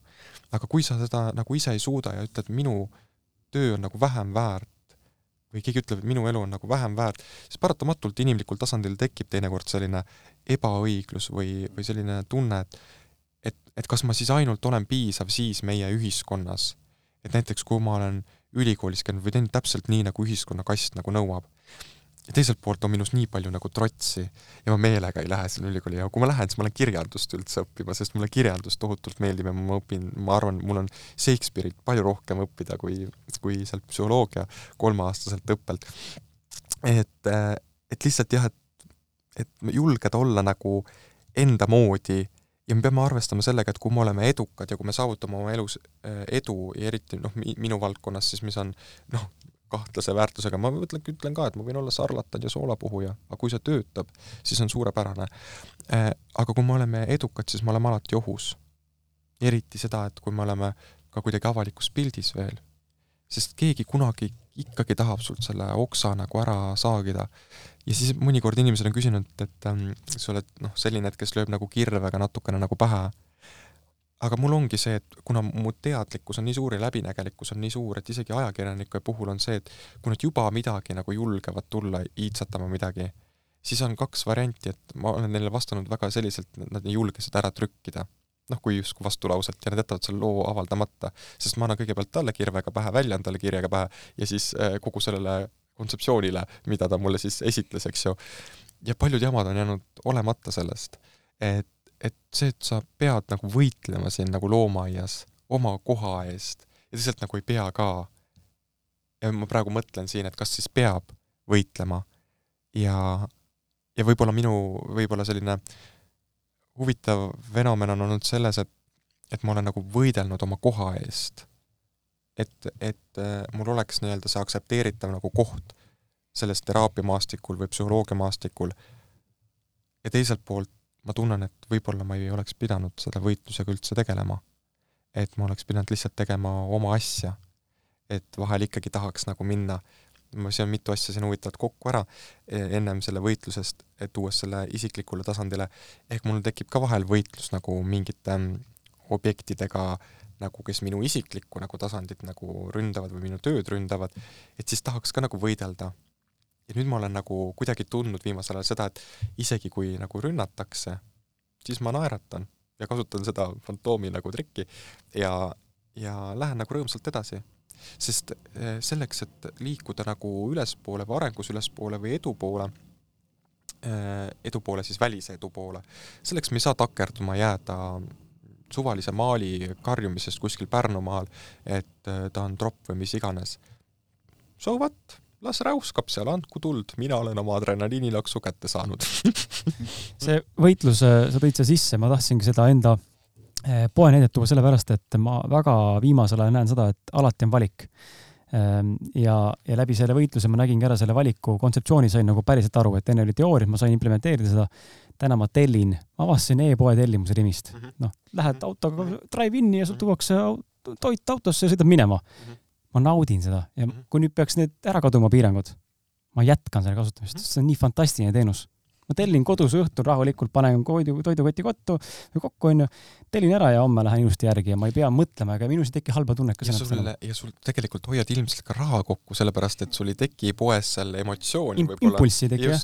et sind ei saa nagu mõjutada, sest me oleme kogu aeg tegelikult äh, mõjutatud või meil kasutatakse selliseid hüpnoosivahendeid selleks, et me midagi nagu osta tahaksime. Äh, ja pannakse näiteks väga ilusa kodupilt, eks ju, äh, ja me tahame siis, et meil oleks umbes samasugune või -hmm. samaväärne ja siis me jookseme nende asjade järgi. tegelikult seda ei ole nii-öelda vaja et sa tarbid tunduvalt vähem, kui sa tellid äh, jaa, minul endale, ma tahan ikka poes käia vahepeal. teate, ma kasutan seda, äh, vaata öeldakse seda, et äh, vaimsed inimesed, nad ei tohiks välisele nagu keskenduda, see on mm, nagu selles mõttes välis mm, katsun seda sõnastada, hommik on vaata, et ei tohi reageerida välisele või? Ei, et umbes, et peaks kandma linaseid riideid ah,, mis iganes, et, et noh, need kaubamärkidega samastumine mm -hmm. ja nii egoprojektsioon. minule ei meeldi suured kaubamärgid, üldjuhul ma ostan riideid, mis on väikse kaubamärgiga, aga te peate aru saama sellest, et see, kui sa oled vaimne, eh, siis see ei tähenda seda, et sa ei või olla maine Mm -hmm. meil on eh, oluline ja inimesed peavad õppima ka seda ära, miks enamus terapeudid ei ole võib-olla nii tuntud või need ei paista välja mitte sellepärast, et neil oleks halb informatsioon, nad võivad olla minust ka targemad ja kindlasti on väga palju neid, aga nad kannavad äh, lillelisi vanaema seelikuid kolmekümneselt mm. -hmm. et nende väline kontseptsioon ei vasta sellele, mida inimene psühholoogiliselt tarbida tahab.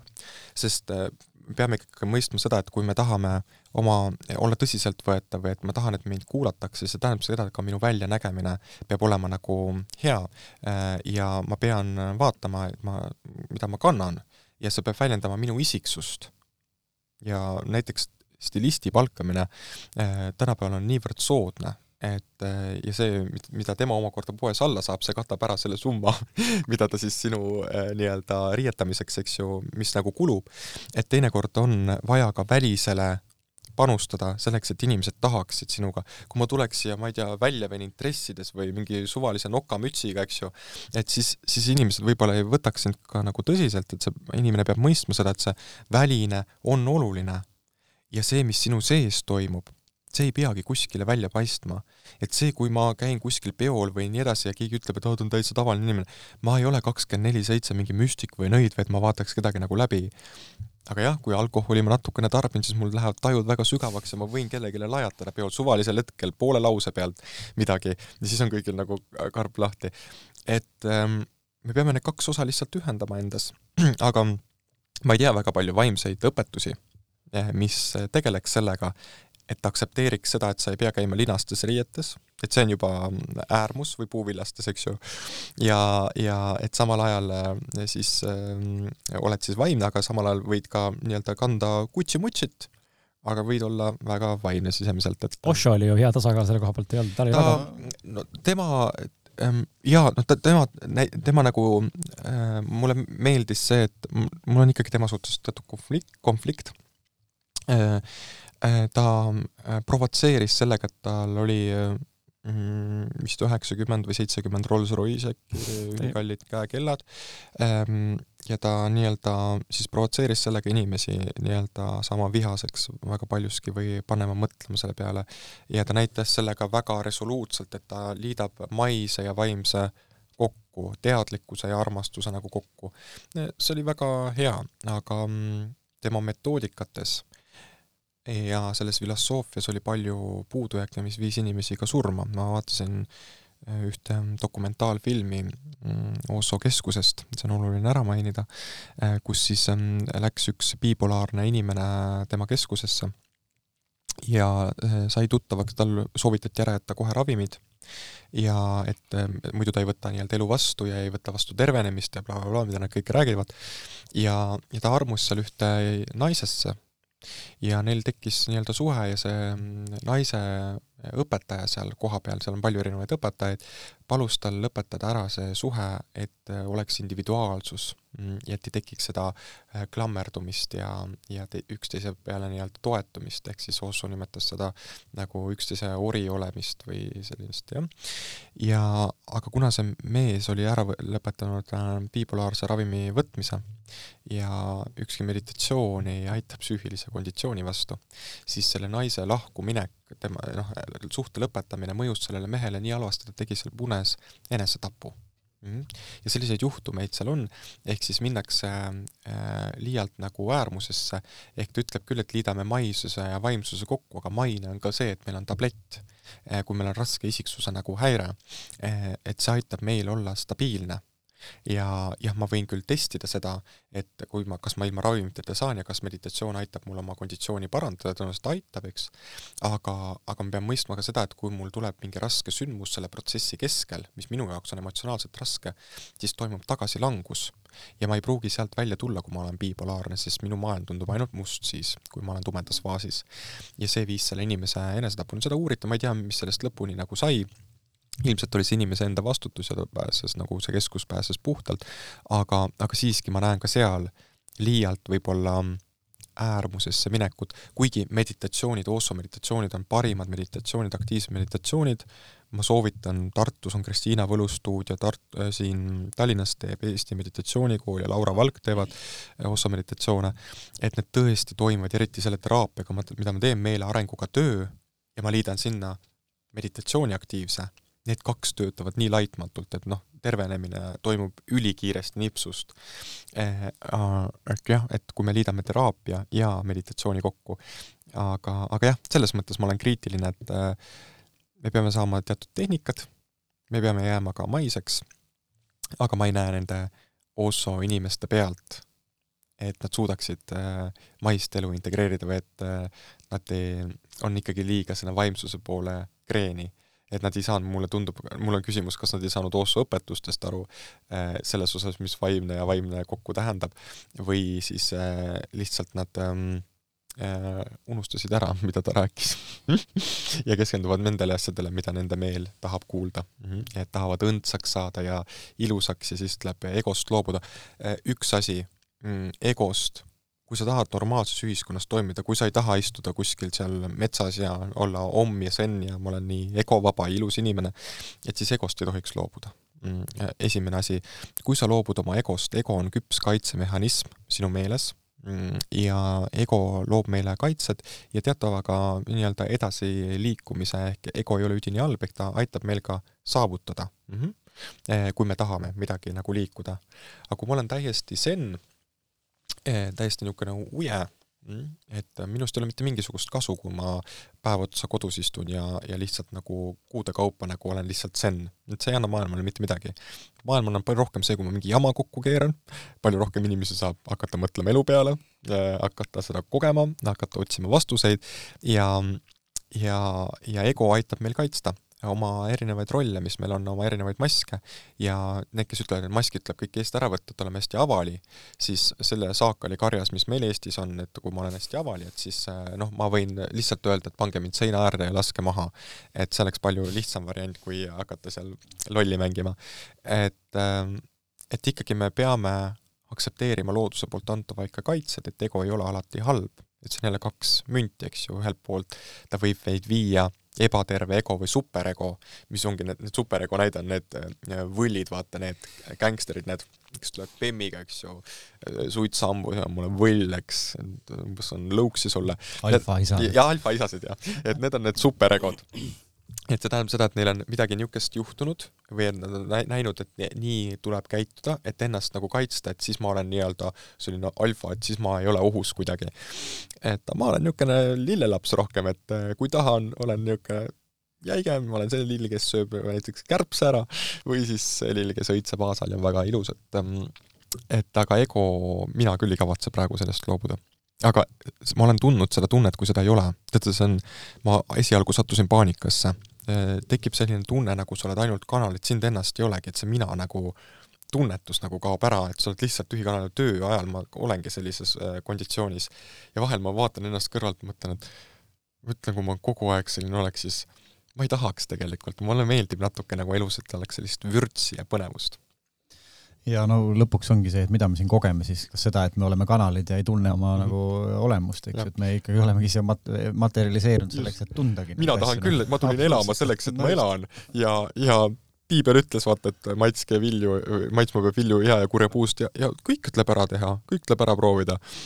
ma saan siis ju elada ja siis võib-olla neljakümneselt ma räägin mingit teist juttu, et äh, võib-olla siis inimesed ütlevad, no nüüd ta räägib mingit adekvaatset juttu et no, ei tea, et, et ma arvan, et lihtsalt tuleb äh, lihtsalt võtta, mitte elu elada, vaid lasta elul läbi enda rohkem nagu elada et minna spontaansusesse ja unustada ära need, vaata, ma olen öelnud, et eesmärke ei tohiks nagu olla. aga ma mõtlen eesmärkide all, ma ei tea, kas ma eelmises podcast'ist rääkisin, et eesmärk ei peaks olema meie isiklikul tasandil, mis tähendab seda, et me muidu oleme kogu aeg nagu tulevikus, aga meie ärid, äri kui süsteem ja mina kui tegevjuht äh, või organisatsiooni juht pean omama eesmärki. teate miks? Sest kui meie nii-öelda välisene, väline tegevus ehk siis äh, töötegevus ei oma eesmärki, siis see tähendab ühtlasi seda, et äh, organisatsioonil kui juhil puudub eesmärk, siis kogu meeskonnal toimub motivatsiooni kadu mm. -hmm. ehk siis, kui firmades on sellised protsessid, kus töötajad on ebamotiveeritud või, või nii edasi, siis küsimus on tegelikult juhile, kas juhil on pikaajalisem eesmärk, kuhu ta tahab juhtida, sest äri kui süsteem nõuab meilt eesmärki. aga vaata, miks ma olen ka öelnud seda, et eesmärkidega inimesed, surnud inimesed, eh, kui nüüd on meil tööalaselt hästi palju eesmärke või töökeskkonnas eh, me oleme kas ise juhid või, või alluvad, eks ju, kes täidavad mingeid eesmärke või ja mis iganes, siis kui ma tulen nüüd sealt töökeskkonnast välja ja panen veel oma isiklikku ellu nagu eesmärgid, siis, siis meil kaob nagu kontakt iseendaga nagu ära et piisab sellest, kui ma oma töövaldkonnas nagu oman või juhina oman neid eesmärke, aga oma isiklikus elus olen spontaanne mhm. ja võib-olla seda spontaansust ka aja jooksul suudame me äridesse rohkem sisse tuua, aga see tähendab ühiskonna arengut tervikuna ja praegu ma ei julge väita seda, et ärijuhtimist peab ainult tunde põhjal tegema. ei, see peab ikkagi mõistust olema ja, ja analüütilist meelt ja, ja tunnetust, kuhu see asi nagu liigub. aga isiklikus elus jah, et proovige lihtsalt, et ma ei, ma ei tahaks vähendada neid inimesi, kes omavad eesmärke, see on jumala okei okay., aga et olla sellised spontaansemad rohkem, et julgeda isegi siis, kui su eesmärk on nagu sinnapoole liikuda ja sul tuleb mingi teine võimalus, et julgeda spontaanselt teha otsus ümber. ja öelda, ah fuck, ma ei tea, kuhu see praegu viib, aga ma lähen mm.. ja arvestades sellega, et ma võin läbi kukkuda mm võtaks siia vahele ähm, ühe kuulaja küsimuse, see, millest me sinuga rääkisime enne seda saadet, sest et see oli päris, äh, ta on hea, äh, ma olen seda mõned inimesed veel kuulnud, küll mitte sama sõnastusega, aga, aga pointi mõttes. kuulaja Diana küsib, et ähm, ja ma tsiteerin siis, oleks soov teha oma ajule restart nagu arvuti vahel jookseb kokku ja siis reboot ida ja programmid jooksevad värskelt. aju ei mõtle enam üle igasuguseid kinniseid eelisi mõtteid.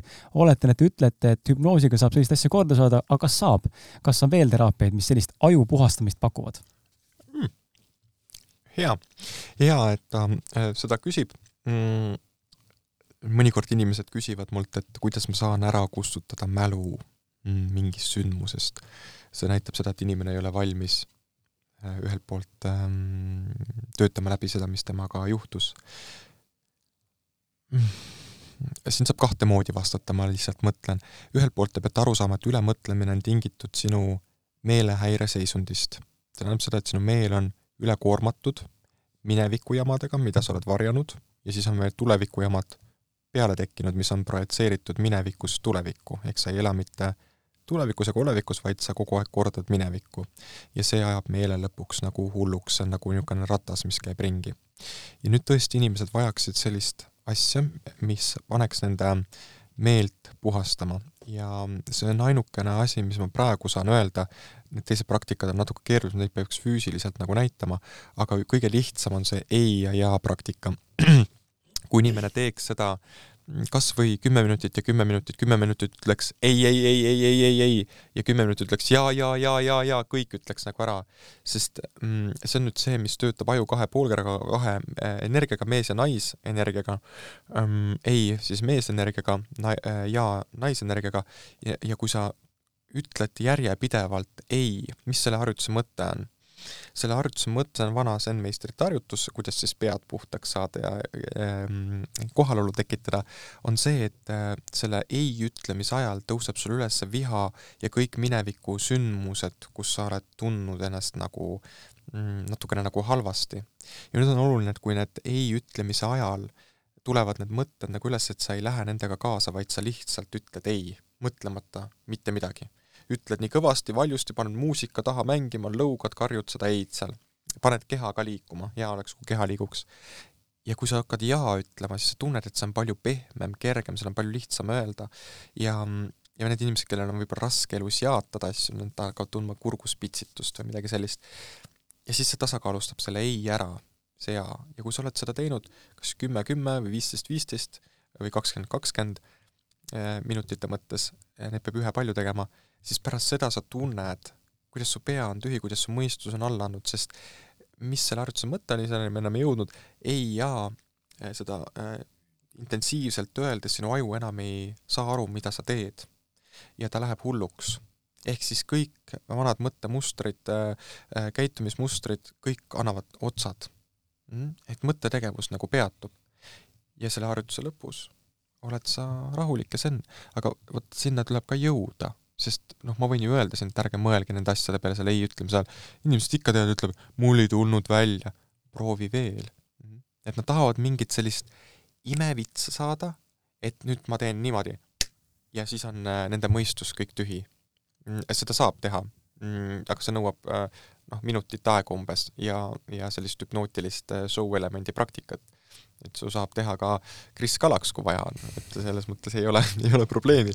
aga, aga jah, et me peame pühenduma ja pingutama natukene järjepidevalt selleks, et see mõistus hakkaks vähem olema koormatud ja vähem ülemõtlemist tekiks ja üks asi on ka see, et ma saan oma mõtteid niimoodi, nagu ma ennem selle fantoomi jutu juures, juures rääkisin, et need mõtted, mis mul teatud inimestega seoses on või sündmustega seoses on, ma saan need sündmused uuesti oma peas läbi mängida, tunnistada kõike ja siis keerata nad positiivseks. ja positiivsete mõt-, mõtetega on hea, kui aju on koormatud aga, aga miks inimene tahab kohe saada? miks, miks on meie loomuses see, et me tahame ikkagi kohe saada?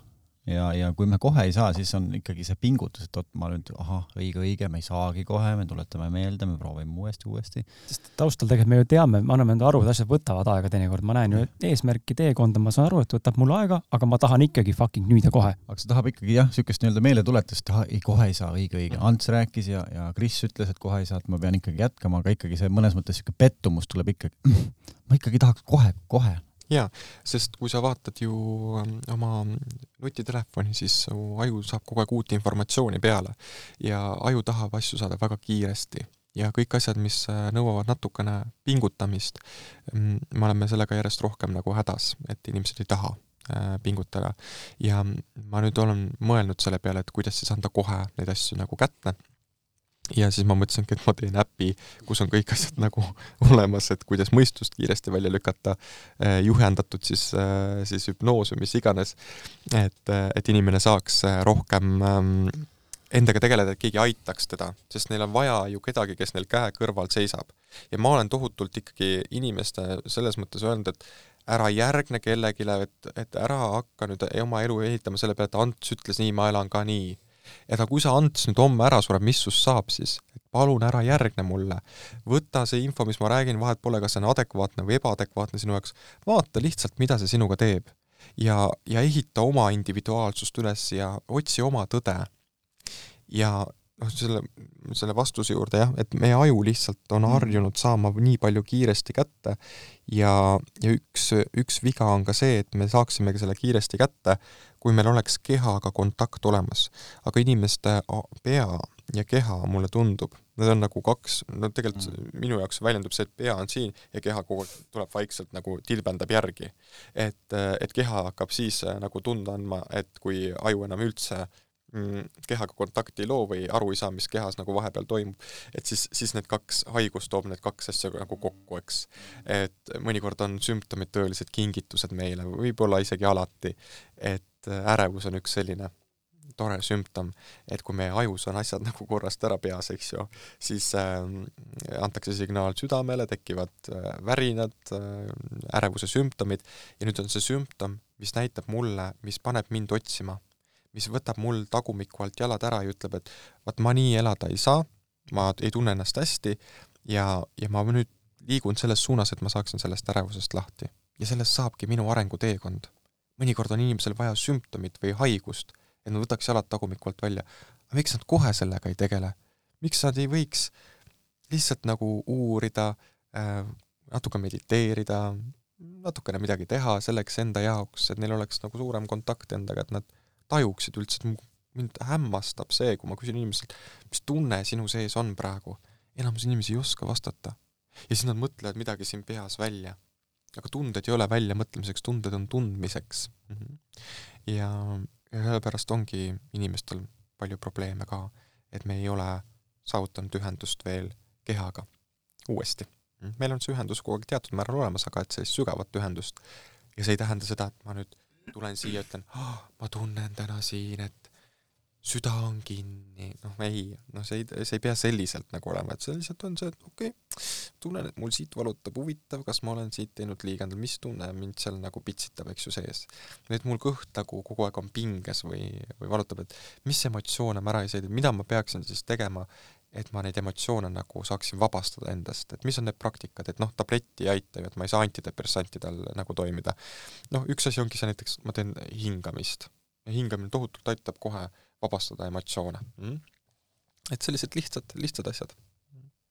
äpi nimeks saab Ants Rootslane kohe.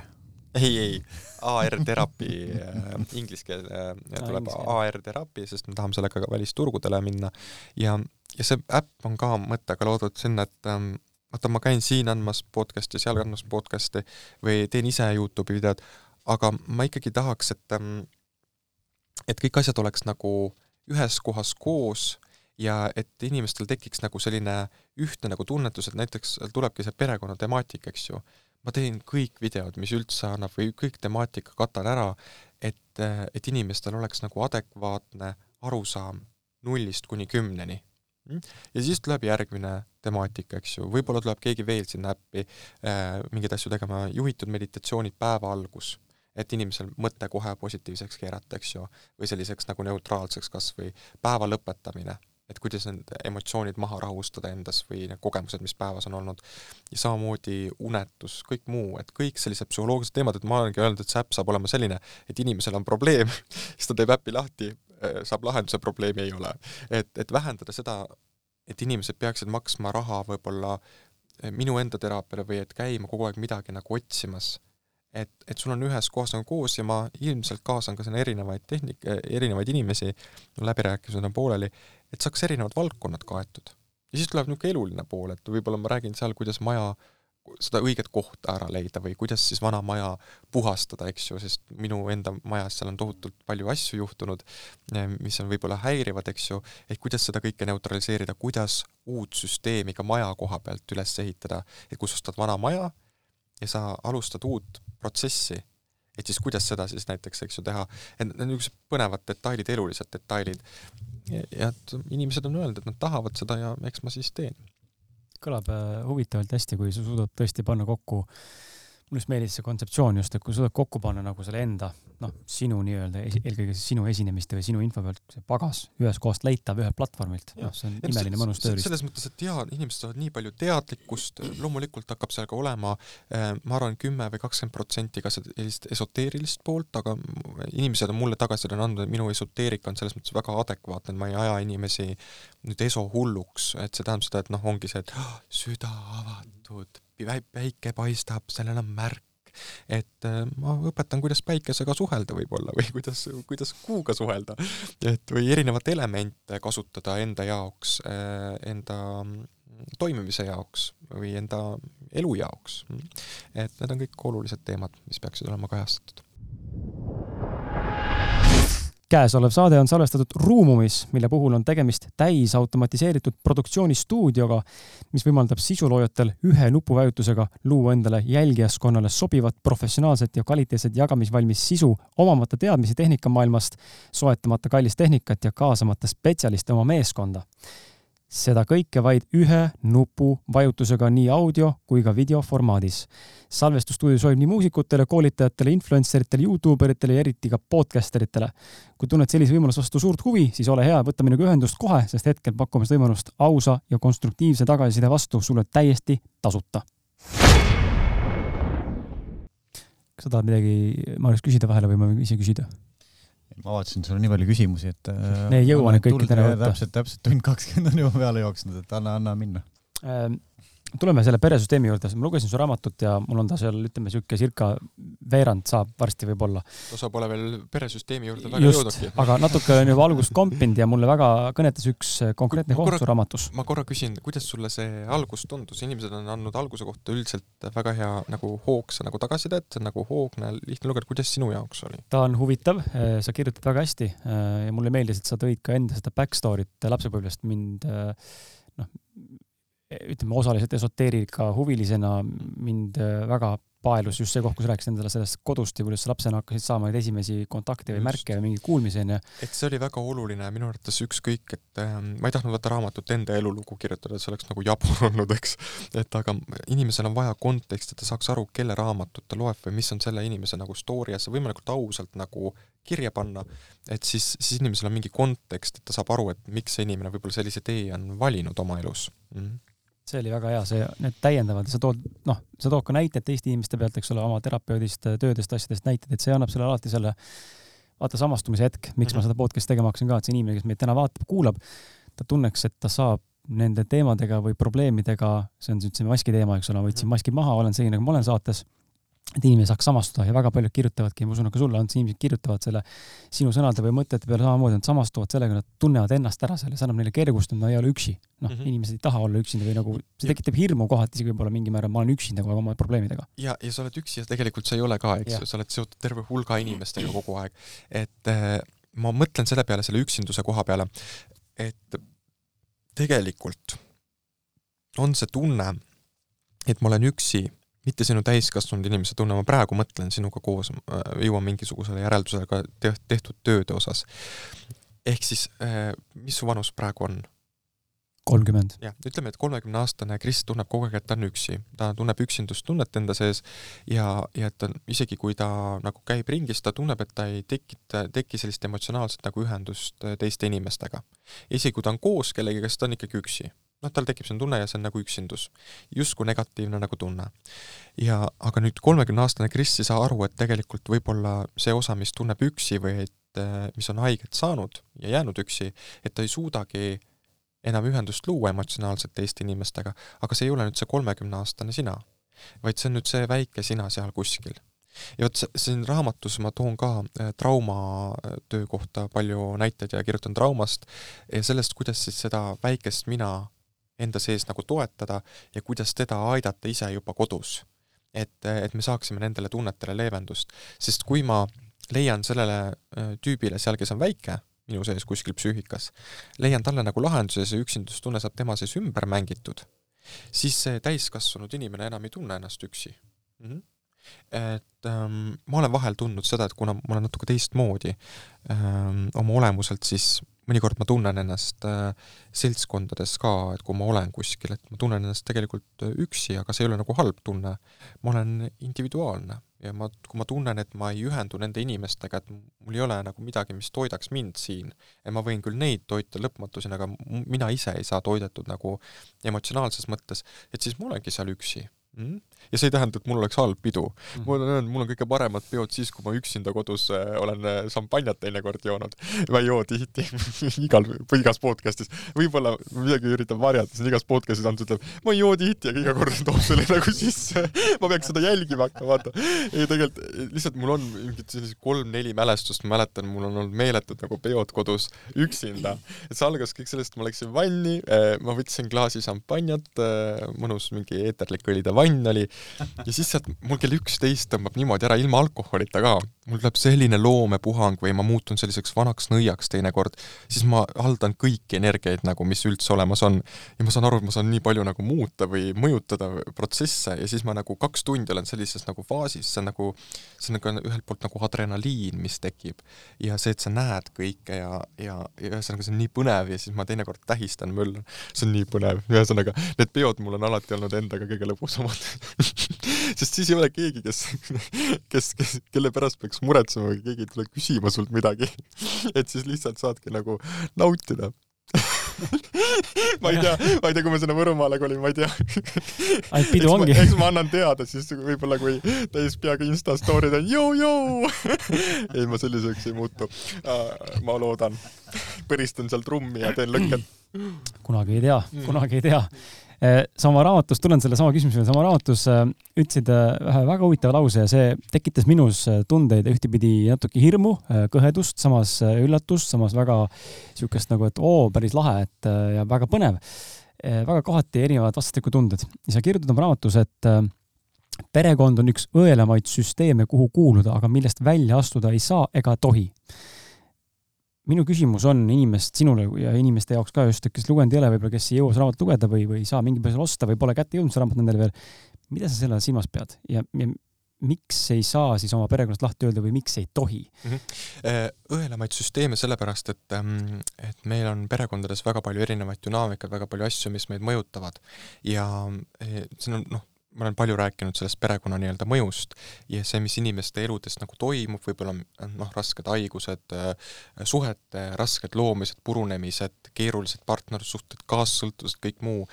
kui me läheme kõige sügavamale tasandile, siis me varem või hiljem näeme, et see on seotud mingisuguse perekonna dünaamikaga ehk siis ma midagi oma elu kaudu lahendan oma perekonna jaoks, pannes iseennast kannatama või siis äh, suurest armastusest kannatades näiteks oma vanemate eest, võttes neilt pinge enda peale ja ägades siis selle käest. selles mõttes on ta üks sõelamaid äh, süsteeme, kuhu nii-öelda kuuluda. ja nüüd äh,, kui me astume sealt välja mm,, ehk siis me tõrjume ennast nii-öelda välja sellest nii-öelda perekonnast, siis kui sa ütled ei sellele, kust sa oled tulnud, siis sul ei ole ressurssi liikuda. vaid meie mõte on see, et meie, minu mõte praegu on see, et kui me aktsept-, oota, keegi tuli veel, kes hakkas rääkima meie, ehm, ehk siis, kui me aktsepteerime seda äh, raskust ja saame sellest aru ja me individualiseerume ehk eraldume emotsionaalselt oma päritolu perekonnast piisavalt, siis selle mõju minule on tunduvalt väiksem.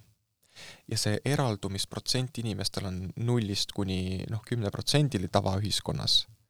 aga kui me jõuaksime kahekümnenigi, siis elaksid inimesed palju õnnelikumat ja vabamat elu see tähendab ka seda, et minu sees ei teki protesti, sest äh, mul on protest isa vastu näiteks ära lahendatud või ema vastu ära lahendatud ja siis mul ei teki naisega konfliktseid olukordi mm. -hmm. või, või valitsuse konfliktseid olukordi, sest ma ei pea võitlema varjatud kujul oma isaga. ehk siis äh, mõte on see, et miks terapeutilist tööd endaga teha või emotsionaalset tööd endaga teha või teadvustada seda perekonda süsteemina just äh, ema, isa ja vanaema, vanaisa, noh, kokku neli põlvkonda vaadatakse terapeutilises pereteraapias. see seitse põlvkonda, see on, noh, viiendast põlvkonnast läheb juba esoteeriliseks. aga sellel on ka teatav mõju harvadel juhtudel, aga siiski on. ehk siis, kui me sealt, sellest nelja põlvkonna kompotist saame aru, mis on äh, transgeneratiivne trauma, ehk siis kollekt-, mitte kollektiivne, vaid perekondade, põlvkondade ülene, ehk siis ma saan aru, et seal on juhtunud see protsess, näiteks vanaema on äh, kaotanud oma mehe, Äh, ja kõikidel naistel seetõttu on raske luua partnerlussuhteid pärast seda, miskipärast. ja kui me nüüd selle olukorra seal ära lahendame, siis järsku on mul võimalik või on, tekib selline tunne või vabadus luua suhe, et mul kaob see konflikt või plokk nagu endal sees ära. et siis me oleme teinekord lojaalsed ja väga paljuski lojaalsed sellele, mis on juhtunud varem kuigi me isegi ei pruugi teada.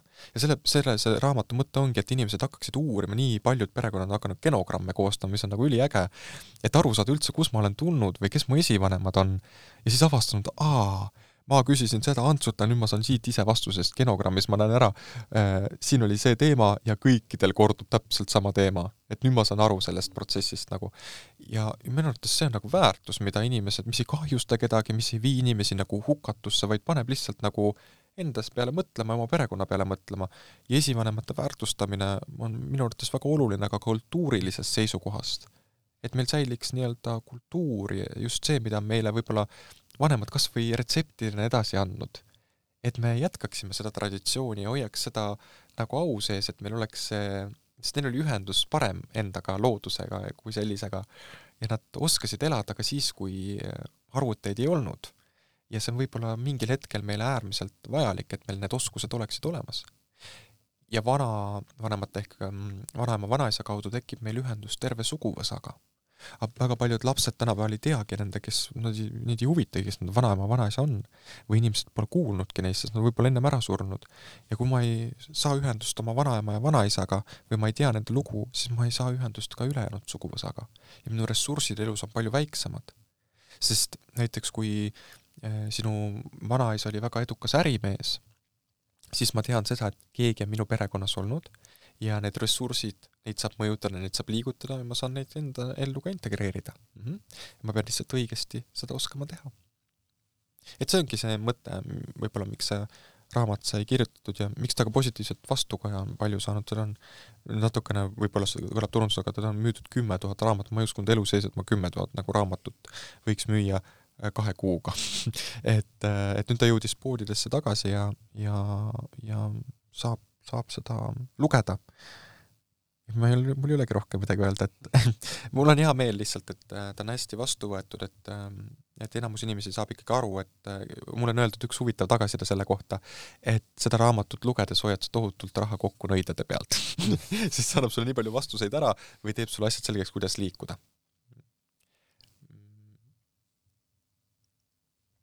palju meil kell on praegu? me peame hakkama vaikselt-vaikselt lõpetama, sest äh, ma tegelikult kell kaksteist pean olema järgmises kohas ja kell on praegu palju? Äh, kell on praegu nelikümmend viis läbi natukene üks minut. okei okay,, siis, siis tõmbame otsa kokku, mhm. siis on nii. aga küsime kiired äh, kuulajate küsimused, sa ära pikalt ja. nagu rääkima ja, ja.. kuulaja Eleri küsimus. kas Antsul on teadlikult arendatud need spirituaalsed tajud? Või on need suguvõsast kaasa tulnud ja kui on, kas siis isa või ema poolt ja mitmendast põlvkonnast mm? -hmm. minu äh, spirituaalsed tajud avaldusid juba lapsena, aga ma ei ole neid, noh, ma ei taha oma igapäevasesse töösse nii-öelda seda afišeerida kuidagi. Ähm, see on lihtsalt minu olemus lihtsalt on selline, et mul on need tajud nagu olemas, aga kindlasti aitas lihvida minu spirituaalseid tajusi hüpnoosiõpe, äh, sellega tegelemine, kui sa oled teinud kaks tuhat hüpnoosi, sa oled kohutavalt palju olnud ise samal ajal transis, siis su aju hakkab töötama teistmoodi, tajud lähevad tugevamaks. teiselt poolt ähm, suguvõsaga töötamine äh,, konstellatsioonides osale-, osalemine parandab sinu ähm, tunnetust, tundemaailma, ehk sul on äh,, tekib nii-öelda teadmiste kogum äh,, mis äh, ühtib tunnetusliku kogemu-, kogumina ja sa suudad rohkem ja adekvaatselt konst-, konstruktiivselt anda rohkem informatsiooni edasi, ilma võib-olla, et sa seda protsessi kuidagi nagu terapeutiliselt võib-olla analüüsiksid.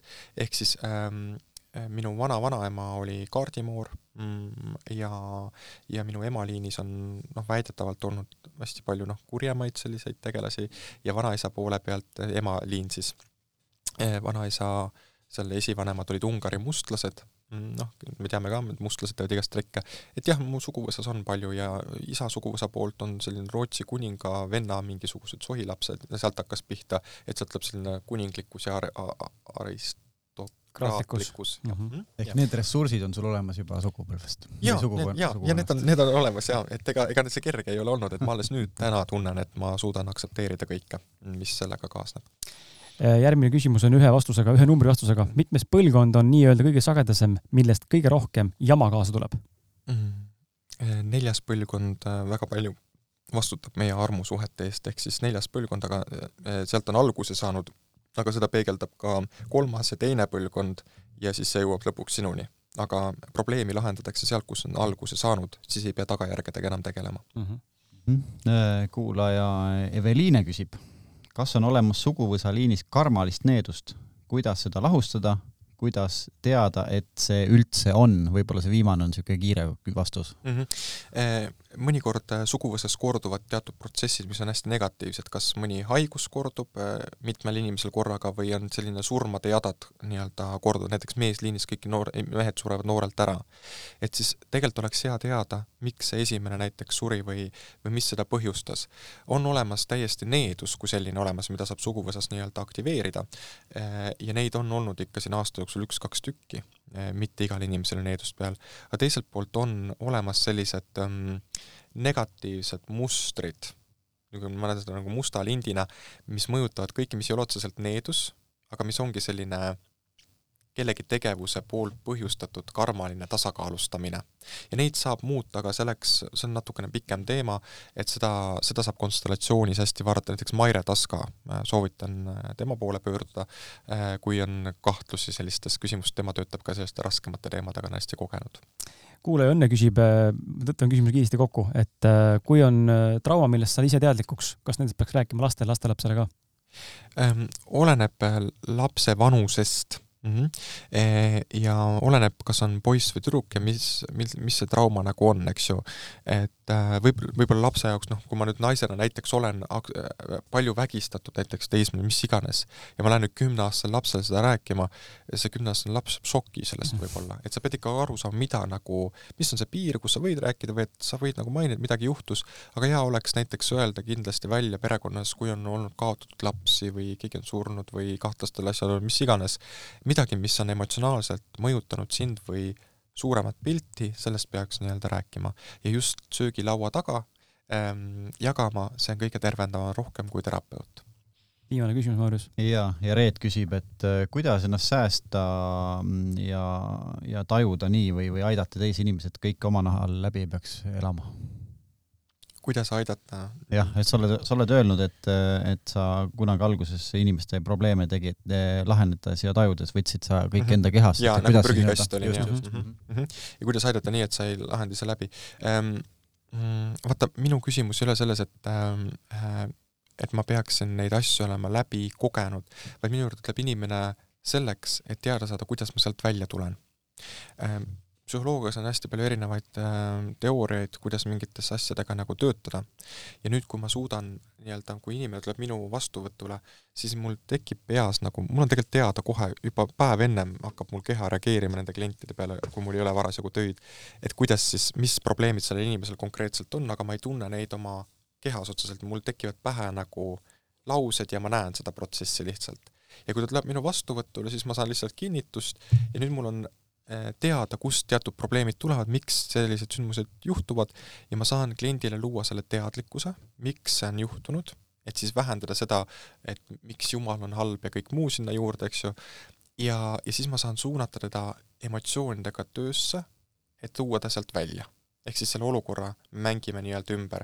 aga see ei tähenda seda, et ma peaks seda olukorda olema kõik ise kogenud aga ma käin kliendiga kaasas, ma saadan teda seal, sest trauma puhul ongi oluline, et me, keegi oleks, kes saadaks meid meie valus ja laseks meil teinekord lihtsalt olla selles valus ja tunnistaks seda. kuulge, väga hea, aitäh sulle, Maarjus, aitäh, Ants. sinuga peaks neli tundi vestlema, sest et sa vastad väga pikalt teinekord ja viisakust ei taha vahele segada, aga, aga nii on lihtsalt ja see on põhjust teile uus saade teha kunagi hiljem. ja võib-olla on kunagi leebur, vaata, jaa, kunagi leebur. just, aga soetage raamatut Apollo ja Rahvaraamatu ja igal pool suurimast poodidest olemas. autogrammiga, siis minu kodulehelt saab tellida autogrammiga ja pühendusega raamatut just, nii et mina tänan teid ja, ja mõnusat arengut. tšau. nii.